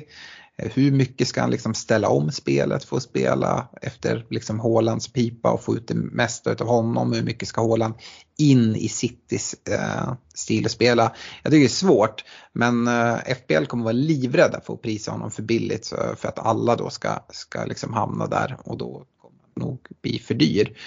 Och med det sagt så det är mycket troligt att jag kanske startar med honom eh, i i, eh, i Game Week 1. För att det kommer vara en sån där spelare att om han flyger, om man inte har han, eh, då kommer det vara svårt att, att, kunna ta sig dit. Så att, kanske så tråkigt val. Eh, men ja, vi får se när det kommer. Vi är ju liksom i samma härad i, i prissättning dessutom så att ja, där någonstans blir det. I övrigt då transfersommaren, vad, vad händer? Jag var ju inne på det Fredrik, eh, Liverpool. Eh, nu hade vi hur många Liverpool-spelare som helst i, liksom i, i poängskörden där. Men när Diaz kommer in där och ska alla vara kvar? Ehm, kommer det vara så enkelt liksom? Jag vet inte, kommer, kommer Robertson få lika mycket speltid kopplat till, till Semika som har visat att han mycket väl kan täcka upp där om det behövs. Så kommer det, kommer det bli mer rotation och lite lurigare i Liverpool och lite närmare City, inte på något sätt på samma sätt. Men ja, vad tror du?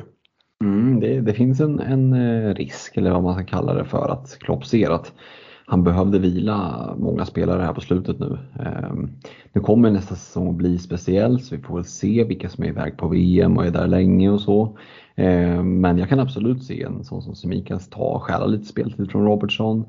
Ehm, jag tror att det kommer, nu är ju Liverpool ett märkligt lag på så sätt att några av de som spelar mittfältare i, liksom, i verkligheten, de är ju inte så högt ägda i FPL utan där är ju FPL-mittfältare, de är ju anfallare i verkligheten i form av men Mané och Salah och Jota och Diaz och de här. Eh, och där blir det ju spännande att se hur rotationen kommer att gå. Först och främst om alla fem stannar. Det är inte alls säkert. Det kan mycket väl bli så att till exempel en Firmino lämnar eller eh, jag tror att både Salah och Mané blir kvar men någon av dem skulle kunna lämna. Eh, så att, äh, det, där finns det intresse både för vad som tas in även om jag tror att rent värvningsmässigt så kanske vi kommer se en värvning för Liverpool eh, och det tror jag kommer vara en, en mittfältare. Eh, en box-to-box-fältare som kliver in som, som ska spela bredvid eh, Thiago Fabinho.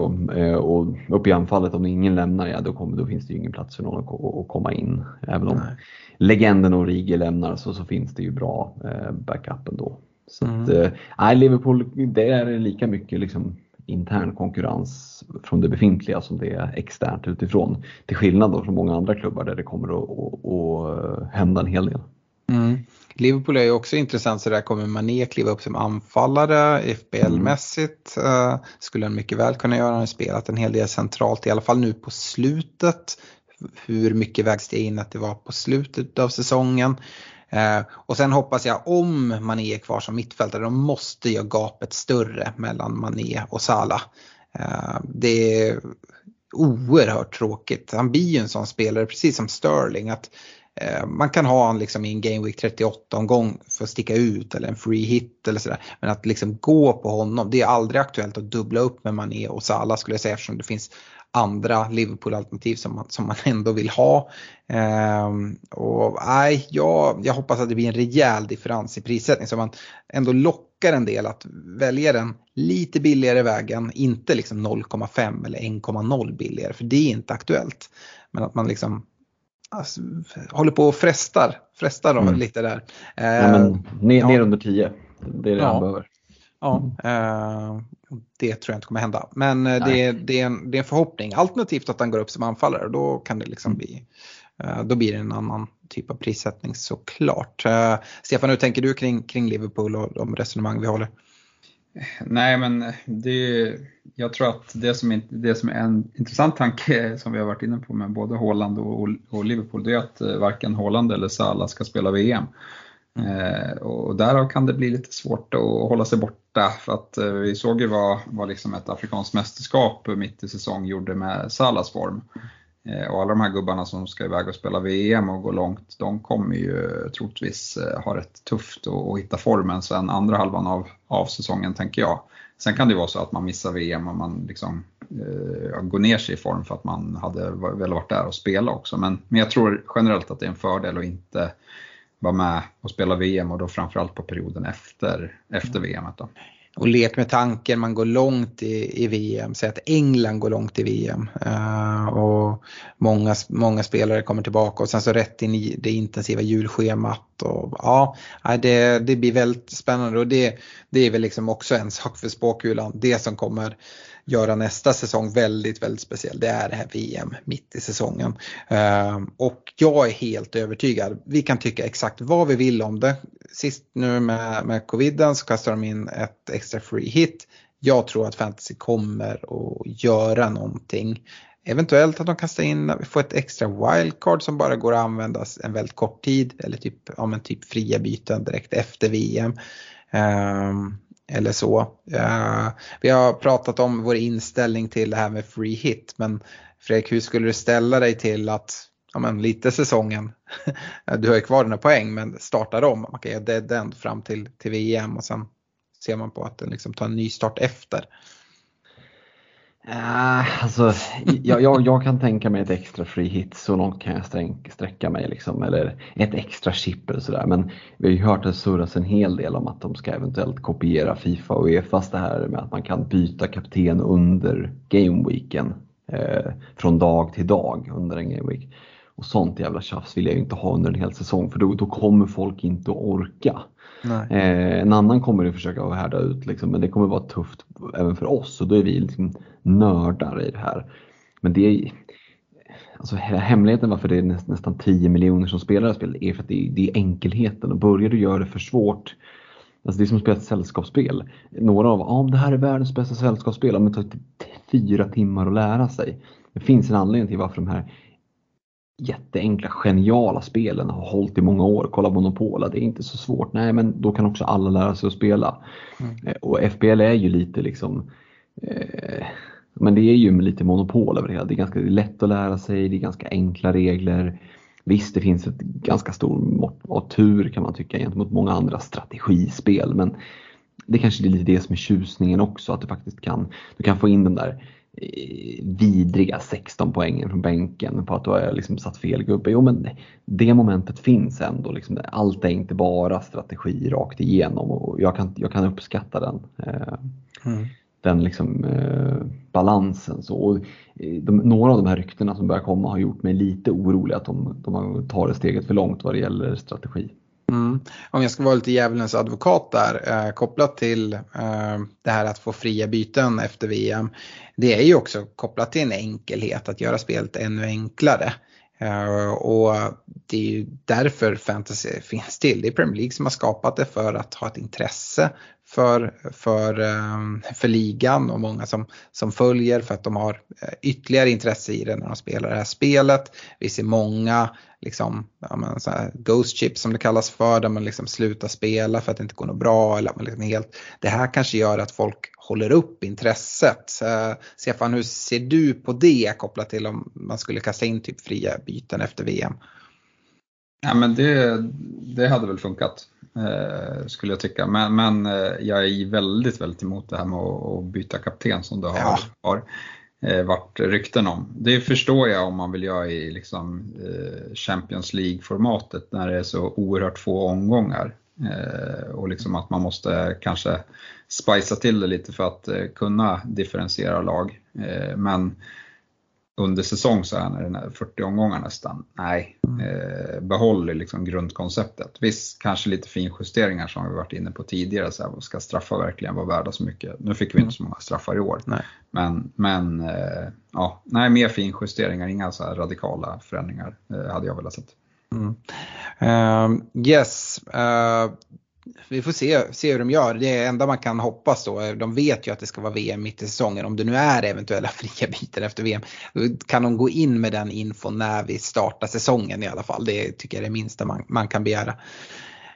Um, vi välkomnar Fulham och Bournemouth uh, upp uh, för säsongen 22-23. Uh, eh, sen blir det ju även Huddersfield eller Nottingham, som, Nottingham Forest som, som gör dem sällskap upp. Det avgörs på söndag. En match som jag definitivt inte tänker missa. Eh, det brukar vara helt galna matcher de här kvalen upp. Eh, hoppas att vi kan få se Nottingham Forest upp. Eh, klassiskt lag. Se, Mitrogol, han spränger Championships mål, målrekord. Stefan, sitter han i ditt lag i Game Week 1? Ja, det beror på vilka matcher. Men han har absolut en, en shout. Om de, om de liksom kan visa lite stabilitet den här gången när de och inte bara tokvärvar när de kommer upp. Eh, men, eller, eller för den delen säljer sina stjärnor. Eh, så han, han är absolut en shout, men sen har han inte hunnit scouta så mycket mer på, på de andra lagen. Det ska vi väl säga, det kommer ju komma. Vi gör ju eh, föravsnitt inför nästa säsong. Då går vi igenom ja, men nykommande, absolut, men även alla lag. Vad har hänt på spelarmarknaden och vilka spelare tycker vi är intressanta? Vilka är fällor som har blivit överprisade från, från förra säsongen och sådana här saker.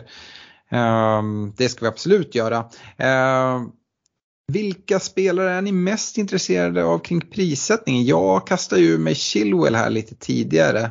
Det ska bli intressant att se för jag tror att något måste ju göras med prissättning på, på försvarsspelarna eller wingbacks som är ja, men, så pass, pass intressanta. Eller vad, vad, vad tror du där Fredrik och är det några spelare som du är extra nyfiken kring? Mm, det, jag är väl lite part i målet. Jag delar ditt, din nyfikenhet för, för wingbacksen. För det är klart att de har varit väldigt tacksamma. Det såg vi ju faktiskt inför säsongen. att eh, Många av oss satt med ganska, jag vet att jag var väldigt tungt lastad Game Week 1 där. Liksom, och, och, eh, ja, men I början av säsongen generellt sett så, så såg man att det fanns väldigt bra värde i det. Jag tror att där kommer vi se mycket 0-5 upp på på vad de startar på den, den här säsongen som var.